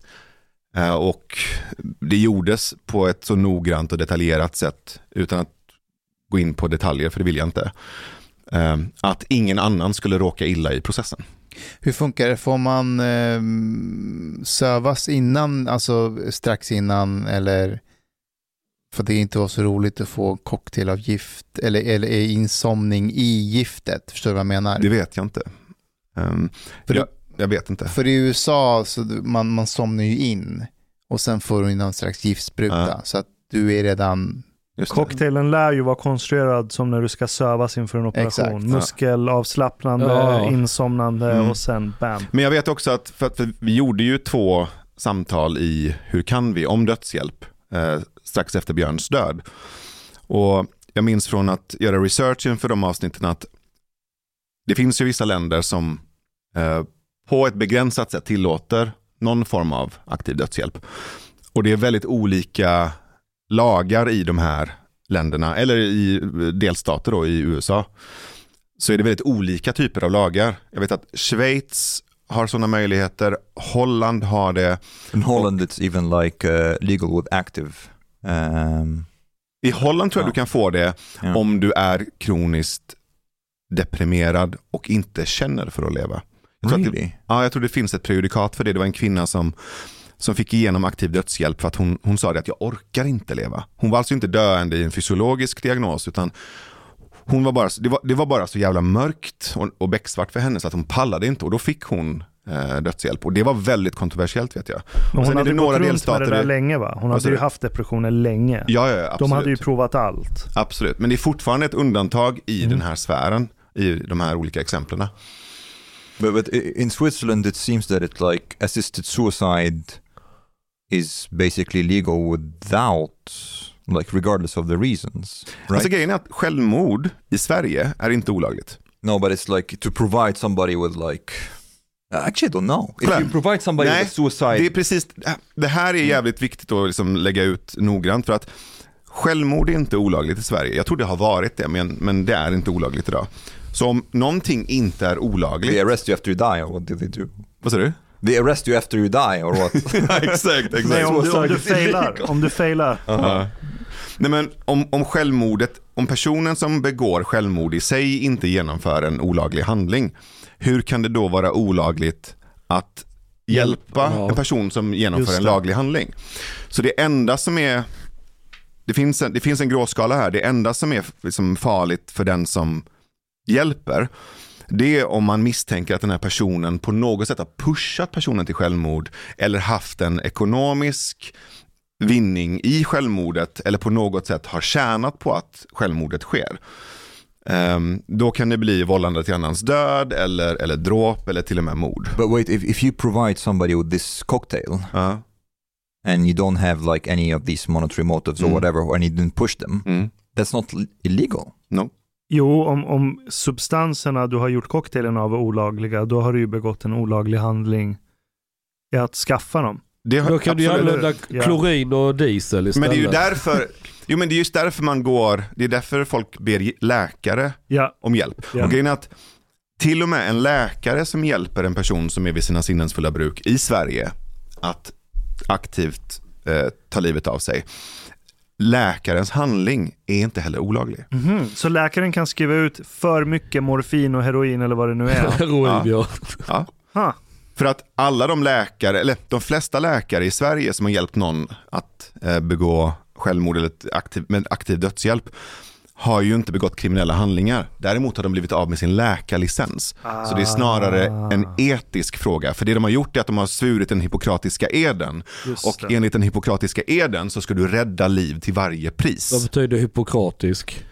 Hippokrates. Hippokrates läkared som är en gammal liksom, grekisk... Never cause harm. Exakt. Men det gör de ju hela tiden när de skär i en för att operera och Men det är ett Men de gör ju det Flårtanten, för att rädda ditt liv. Ska alltid rädda liv, som med abort. Grejen är att abort, när man pratar om dödshjälp, när man pratar om dödshjälp så brukar, alltså folk som argumenterar för dödshjälp brukar ofta liksom, kliva in i just abortfrågan och använda det som en argumentation. Var, varför är det så tabu i Sverige med dödshjälp? Varför är det? Sverige borde ju vara superiskalla, moderna. Så här, självklart, du har rätt att göra. I ett samhälle där staten be- bestämmer allt så bestämmer staten vad du gör med din kropp. Den bestämmer om du får sälja sex, den bestämmer om du får använda eh, psykedelika och den bestämmer också när och hur du ska dö. Det är samma princip. Det är därför de här tre ämnena är så tabu i Sverige. Ja, makes sense. Fast Du bestämmer inte ett skit över dig själv. om man skulle fråga svenska folket så skulle nog en... Land of the free! Så, självmord är en revolutionär handling. Absolut! Det är den sista revolutionära handlingen du gör. Jag tror att majoriteten av svenska folket skulle nog vara för dödshjälp. Om man presenterade ett, ett, ett, ett exempel på hur det såg ut. Alltså, blev inte det väldigt aktuellt med, i samband med Björns död? Jo, absolut. Mm. Och det finns nu, ni vet Christer Sturmark eh, som eh, har Fri Tankeförlag. Han har ju varit aktiv i den här debatten i jättemånga år. Och jag tror att Christer tillsammans med och vad heter Barbro, ni vet hon den här tanten i Liberalerna som är så jävla Västerholm. Västerholm ja. Hon har varit jätteaktiv i den här debatten. Ehm, och även eh, Kajsa Dovstad eh, och sen några andra eh, som jag inte minns namnet på nu. Och Christer och eh, Kajsa och Barbro och några till har ju lämnat in en eh, de har ju lämnat in ett, ett, ett förslag på hur man ska gå, gå tillväga för att göra det här. Både tryggare och säkrare och lagligare. Kan man inte bara ta eh, tunnelbanan upp till Husby eller något så löser det sig självt en fredagkväll? Ha, ha, ha. Vad, är för, vad är det förslaget? Jag, jag vet inte exakt vad som står i förslaget, men, men det handlar alltså, So active euthanasia, act, active kär, kärnan, i det är att, kärnan i det är att göra det säkrare och tryggare för människor som vill välja. Att, eh, eller utreda, jag tror snarare att det handlar om att utreda hur ett sånt eh, förslag skulle se ut. Mm. Att börja titta på det överhuvudtaget. Lite, är det, är det, lite det som, går under namnet Lex Nattico? Eh, ja, Ja. precis. Eller som de, jag tror de vill, de vill kalla det för Lex Nattico. För att det blir lättare om det finns en berättelse, om det finns en person att, som folk känner till Mm. och gillar. Um, och hänga upp det på. Jag tror att man är väldigt rädd i Sverige för att öppna en dörr. För fan, många skulle ta livet av sig. Alltså speciellt nu i november. Det är så jävla mörkt och äckligt. Alltså, jag menar allvar, jag skojar inte. Jo fast kolla här, det är samma argument som med, med narkotika. Folk gör det ändå. Så, om folk gör det ändå, ska man hjälpa dem att göra det på ett tryggt och säkert sätt? Eller ska man låta det vara illegalt och farligt? Plus, actually, I don't really think that it, it takes, in a sense, a lot of courage to take your own life. Det krävs mod att leva i det här vädret. Varje dag. Det är också sant. It is fucking depressing. Varför tror du att Björn blev så stor i Sverige? Han är en folkikon. Mm.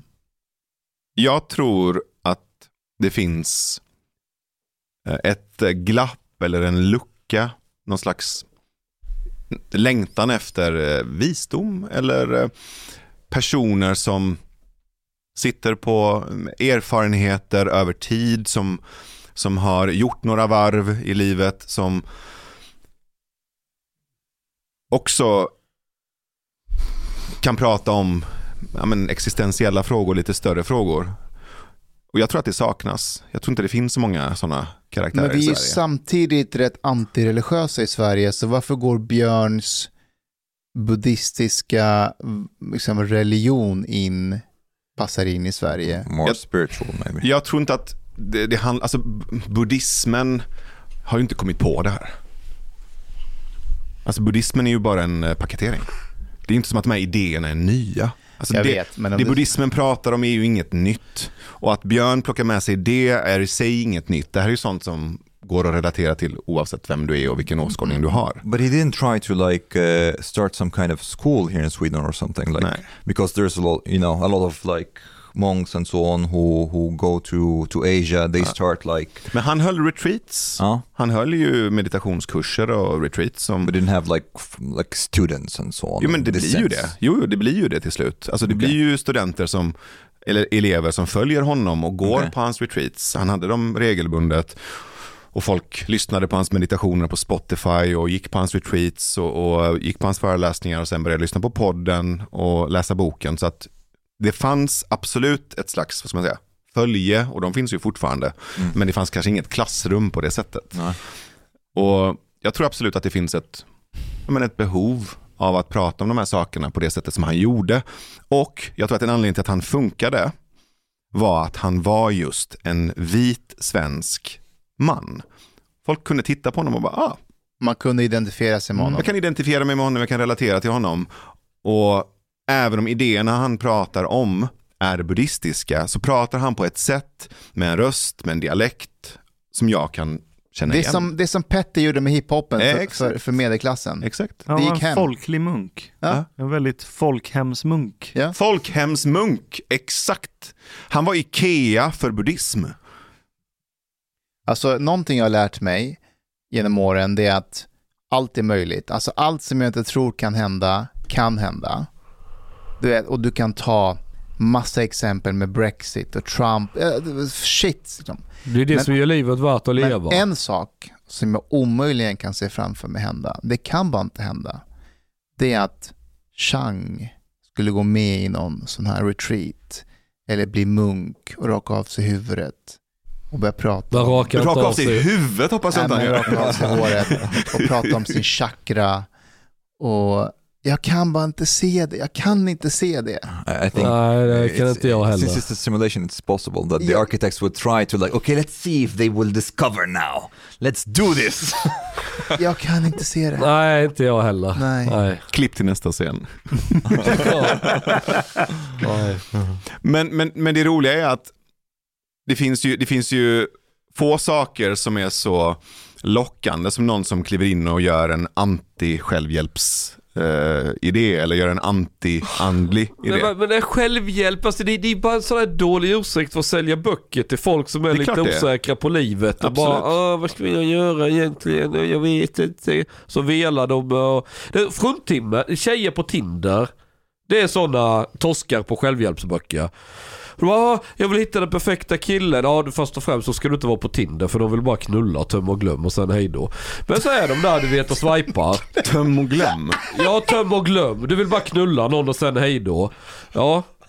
Eh, och så swipar de där och tänker men nu ska jag hitta mannen i mitt liv med stort M, den perfekta. För då har gjort upp en jävla bild i sitt huvud med den perfekta killen. Nej, den killen existerar inte för det första. Det är bara i din jävla CP skalle den finns. Ja, och sen så blir de besvikna gång på gång. Det blir aldrig någonting. De känner sig lite utnyttjade för nu fick ju han knulla mig och så blev vi inte ett par och levde lyckliga alla våra dagar. Varför släppte jag till? Och så får de ännu mer ångest och så ältar de och sen upptäcker de att de är 35, biologiska klockan tickar. De får inga ungar. Blir de ännu deppigare då börjar de köpa självhjälpsböcker men det slutar med att de har en låda rödvin och en katt där hemma och sen sitter de där till de blir pensionärer och är all, röker gula Blend under köksfläkten. Det är alltid så det går. Alltså Vi- Mustafa, vi- Mustafa, hade inte du gått på det retreatet? Jag hade gått på den Eller lätt. Vill inte du hjälpa de här människorna? De här tjejerna? Nej men de ska, de ska bara gå ner, alltså skitsamma vem. För, all, för att från, så här, när jag träffade Polina. Vi hade känt varandra what? Fem veckor. Jag har träffat henne kanske så här, åtta gånger eller något. Ja, hon är gravid, säger hon. Ja, då vet jag vad jag ska skriva på Facebook. Så det var ju inte rätt sak att säga då, men jag råkade säga så. Men, men eh, bara, ja, ja, men då får vi väl flytta ihop då. Jag, liksom, så här, det kvittar vilken brud du blir ihop och det finns inte den perfekta. För alla brudar blir likadana. Sen följer ner toaringen efter dig. Nu har du, dina smutsvett ska inte ligga här. Ska du eh, ta in disken efter dig? Blä, blä, blä, blä. Så bara det jävla tjatet. Och det kvittar om det är en brud från Thailand, från Ryssland, från USA, från Sydafrika. Vad det kvittar. De är kodade likadana. Och jag lovar från en brud, tjej från väg så är killar precis likadana med i slutändan. Om man inte är Mustafa, för då är det, då är det ju tjejen som är killen i förhållandet. Men, men är ni med? Så att många hänger upp sig vid saker det ska vara så perfekt man har någon bild. Men det där, det där finns inte på riktigt. Chang Frick, mannen som kunde tala med kvinnor. Det roliga är att du säger fuck självhjälpsböcker, sen sitter du och låter som en självhjälpsbok. Ja men självhjälp, det är inte bara, själv- du bara skita i det där. Ta livet som det kommer. Bara, Ja men bara Ja, det, det är du, bara det, det är exakt det du gör just nu. Du sitter ju och pratar om så här, olika ja men råd då är det och inget tips. att fundera och älta om. Jag har ju gjort någon på smällen, shit happens. Ja ja. Det, Det är kapitel ett. Ja men det, folk hånglar till det sin i helvete. Det är kapitel två. Fortsätt Chang. Ja men vad... Vill du knulla? Ja men gå ut och knulla. Då blir det Kapitel blir det farsa. Ja. Det är liksom, vad fan är problemet? Kapitel 4. Det roliga är att boken är ju bara kapitelrubrikerna så det är helt tomt. Och sista kapitlet ska heta Oh hej och hå. Ja, hej och hå. Nej alltså på riktigt. Changs självhjälpsbok är ju bara liksom kapitlerna, sen är det, det är helt jävla tomt. Där, den är klar, krångla inte till det. Jag har skrivit en hel jävla bok i fucking onödan. Jag, jag vill läsa tacklistan. Ja men det, alltså, jag, jag fattar inte varför den eh, attityden är så jävla exotisk för folk. Jag fattar inte. Vet du vem du påminner om? Nej. Du påminner om en person som heter Jed McKenna. Alltså jag sitter ju och tänker på det hela Gör det, tiden. va? Ja, ja, fan absolut. är det? Han är en, man kan väl kalla honom för en antiguru. Så Ja. han har skrivit en bok som heter Spiritual Enlightenment. Spiritual incorrect enlightenment. Just det, Spiritually Incorrect Enlightenment. Och så är det en bok om varför ingen någonsin ever har behövt en guru. Isn't, isn't this Krishnamurti? Nej, det Det, fin, det finns en massa teorier om att det är skulle vara någon annan. fucking guru? Vad är guru? Nej, men det, är, det är underhållning. Det är 300 sidor ren och skär underhållning. Den är briljant. Det är ju någon riktigt grym litterär jävel som har skrivit den. Men då måste jag först lära mig vad guru är om jag ska Kolla läsa den. guru i sig, ordet guru, betyder bara lärare. That's it. Ja, folk som lär någonting. Ja, det är en Ja, lärare. och vad, vad är det man ska lära sig? Olika saker. Alltså, Som... inte krångla till det, uh, göra henne gravid efter fem veckor, alla dina kapitelrubriker. Du är en guru. Man ringer ju dig för att, om man tänker lite för mycket på något så ringer man dig och då säger du sluta tänk på det. Och då, du är en Jaha. guru. Då är det, då är det en För det lärare. kan man inte komma på själv att... Nej, Vi- nej, vissa obviously behöver höra not. det. But Krishna, Krishnamurti was the same thing. He was like basically um, hailed almost as like the next Buddha. And he, he like since a very young age he wrote like the book at the feet of the master. And in the end he he wrote Freedom from the Known. And he was basically teaching people not to read books. don't read books, don't listen to anybody. Det låter som salafism. eh, vad skulle jag eh, vad skulle jag säga? Jag, jag har en teori här faktiskt. Jag tror människor som inte har några egentliga problem i sin vardag. De snöar in på sånt här skit. För om du kastar dig ut i någon verklighet där du har riktiga problem. Då har, då, har du, då har du saker att fylla din skalle med och engagera dig i och allting. Då blir de här andra självförverkligande flumidéerna, de, de finns liksom, det bara skita i. Jag kan, jag kan döda den eh, teorin på Alltså? en sekund. Ja. Alltså, Har du vaknat upp bakfull i ett dike utanför Moskva någonstans och har två ryska konstaplar har du, över var, dig? har du varit i Indien och sett indier, som, alltså fattiga indier, med liksom, som lever i misär, hur de är i den här världen, alltså med gurus och med den här typen av idéer. De flockas ju runt det här, så att din, din teori faller ju fullständigt. Men Indien har ju aldrig någonsin haft en egen drivkraft eller vilja eller någonting. But Chang, there is a lot of people who actually don't really want to do anything with their lives. Uh, there are people who, who really don't have ja, ja. Jag Yeah, snackar don't really have interest. They they don't they they just want to like maybe hang out or something. But like apart from they, they don't Ja, really. det want to do anything. de, no no meaning, no goal, no nothing. Nej, men jag tror de njuter av att, och jag avundas det ibland, att de njuter av att de har en som ger dem instruktioner 8 till 5 varje dag. Och så är det tacos fredag mys på fredag. Och så slipper man tänka. Stor shopping på söndag. Och sen renovera garageporten på sommarlovet och åka till landet. Ja. Rinse, repeat, rinse, repeat, Ja. rinse, repeat. Så är de flesta majoriteten av människor. Så egentligen är det ju ingen skillnad på behovet av religion och självhjälp. Alltså det är ju ett knippe principer som du kan följa. Ja. That's it. Ja, men det är ju för att man... Men då är det ju, man, man tror inte på sitt eget omdöme. Man behöver någon manual instruktionsbok. För då känner man sig trygg. Då har man Ja. något att hålla fast vid. Absolut. För, men grejen är så här, alternativet, det vill säga att du tänker själv, att du inte följer ett knippe principer, det är ju mycket mer osäkert. Right? Då har du ju inte ramen, du har inte principerna att följa, du har inte den ordningen att följa. Då, du gör ju av med mer energi av att tänka själv och livet blir ju mer osäkert. För du måste själv navigera i Men då osäkerheten. handlar det ju om trygghet mot otrygghet. Det är klart det gör, absolut. Absolut. Ja, jag vet inte. Hej på dig, min vän. Lisna po mejnu. Du emiket fin menisza. Du harbeta lat biliet po klubzista moltit. En miket fin radioprogram i sferie. Tak ware dejso ardiet mojlikt for grabarna at tropa kafe late ute potoriet. Betalar kningar.